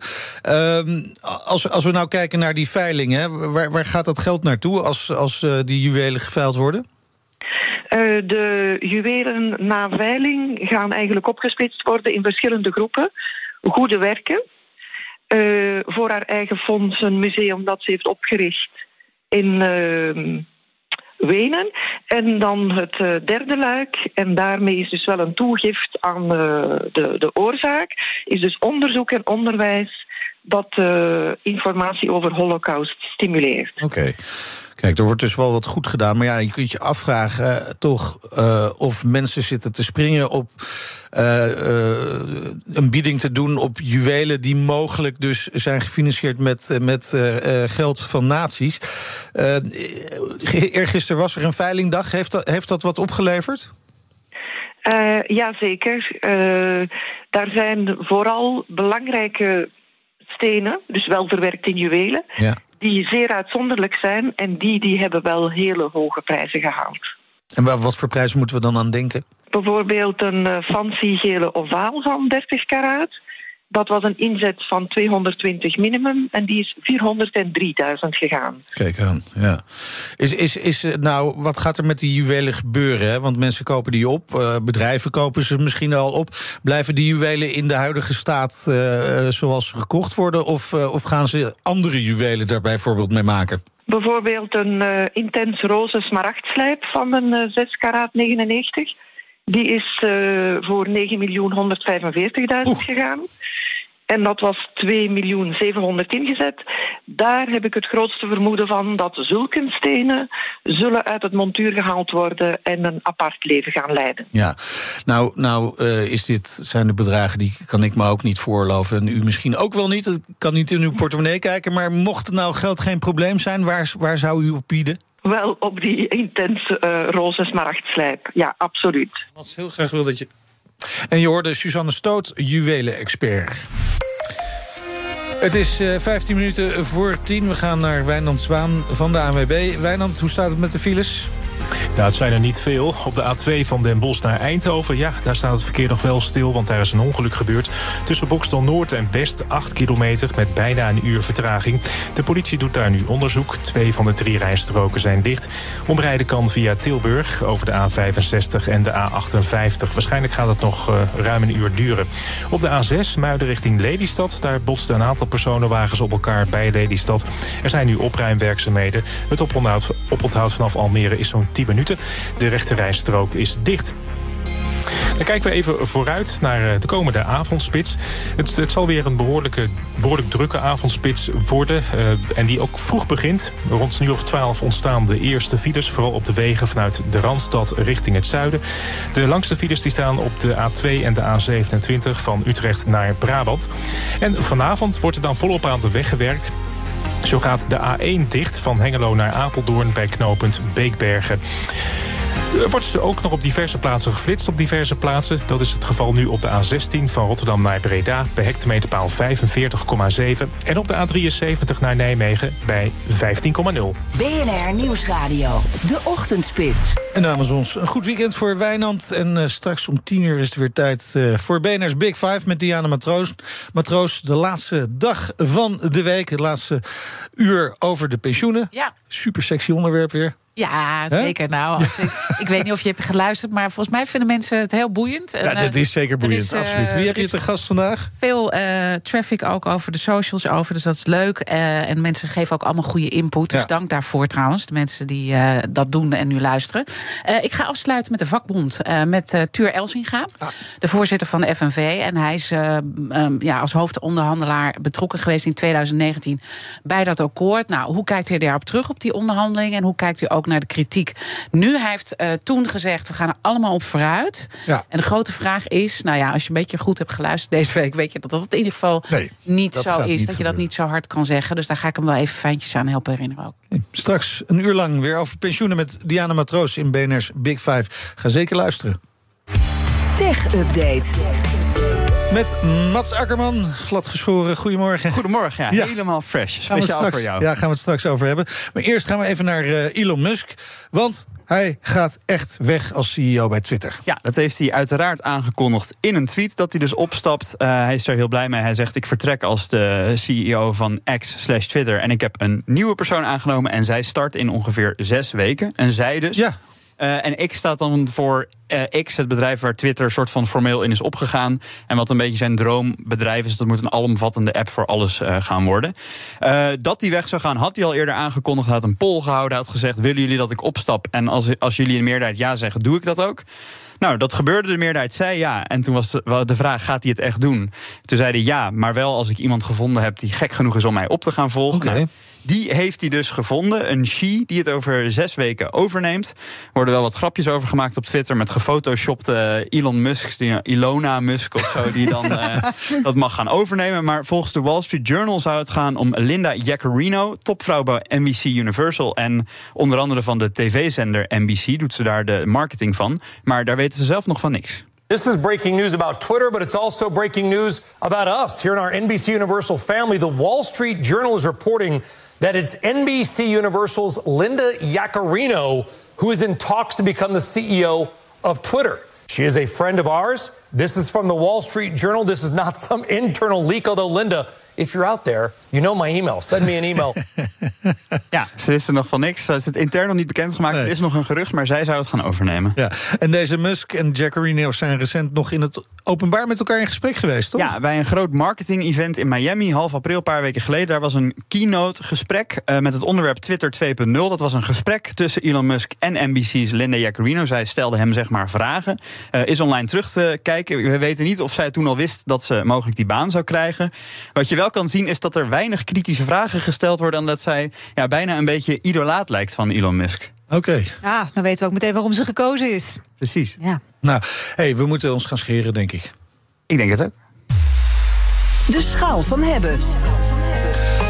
Wat testen we namelijk vandaag? De Philips OneBlade eh 360, 360. eh, de, het nieuwste modelletje met een, ja, een flexibel stukje... waardoor die heel makkelijk je, je baard eraf kan halen of kan trimmen. Met een gladde coating gaat 200 keer per seconde beweegt hij. En hij is zowel voor je baard als voor het lichaam... en ook te gebruiken onder de douche. Nou, en je ongelooflijk. zegt, eh, gaan we testen? Maar ik heb hem dus voor deze rubriek thuis al ter Ja, voorbereiding met echt enorm getest. gladde wangetjes. Ja, precies. Ik, ik, eh, nou, het, eh, ziet er goed uit, toch? Ja, ja, ja. Nee, ja, absoluut. Maar daarom hebben we een onze, onze stagiair Jorik bereid gevonden om eh, deze test te doen. Jorik gaat nu eerst even zeggen dat het vrijwillig is en dat het niet voor zijn stagebeoordeling eh, meeweegt. En hoe lang heb jij je niet geschoren? Dit is, eh, nou, ik kreeg maandag het verzoek om hem even aan te houden. Die, wat, wat het is, dit is van anderhalve week, denk ik. Anderhalve week, oké. Nogmaals, het gaat dus niet mee, weegt niet mee bij zijn stagebeoordeling. Dus het is echt vrijwillig. Ik geef hem door. Hoeveel tijd was jij kwijt? Eh, ik had hier denk ik een minuutje of tussen iets vijf of zo, misschien iets minder. ja, dat heb je dus niet. ja, maar ik heb niet zo, ik heb altijd een beetje korte stoppels. Dus ik, bij mij gaat dat vrij makkelijk. Oké, nou, eh, Ik, ik eh, zeg... ga kijken hoe ver we komen. Ja. Start, start met scheren, je hebt een spiegeltje erbij. Eh, kunnen we ook nog even vragen, wat zit er allemaal bij? Wat krijg je er allemaal bij? Nou, het gaat, Ja. best, eh, gaat best rap eigenlijk. Dat soepel eigenlijk. Ja. Ja, je krijgt dus eh, het apparaat met een oplader. Die oplader die kan er gewoon in eh, als een snoer, zeg maar. Eh, je krijgt er twee mesjes bij. En volgens Philips zijn die dan vier maanden te gebruiken. En daarna moet je weer nieuwe kopen.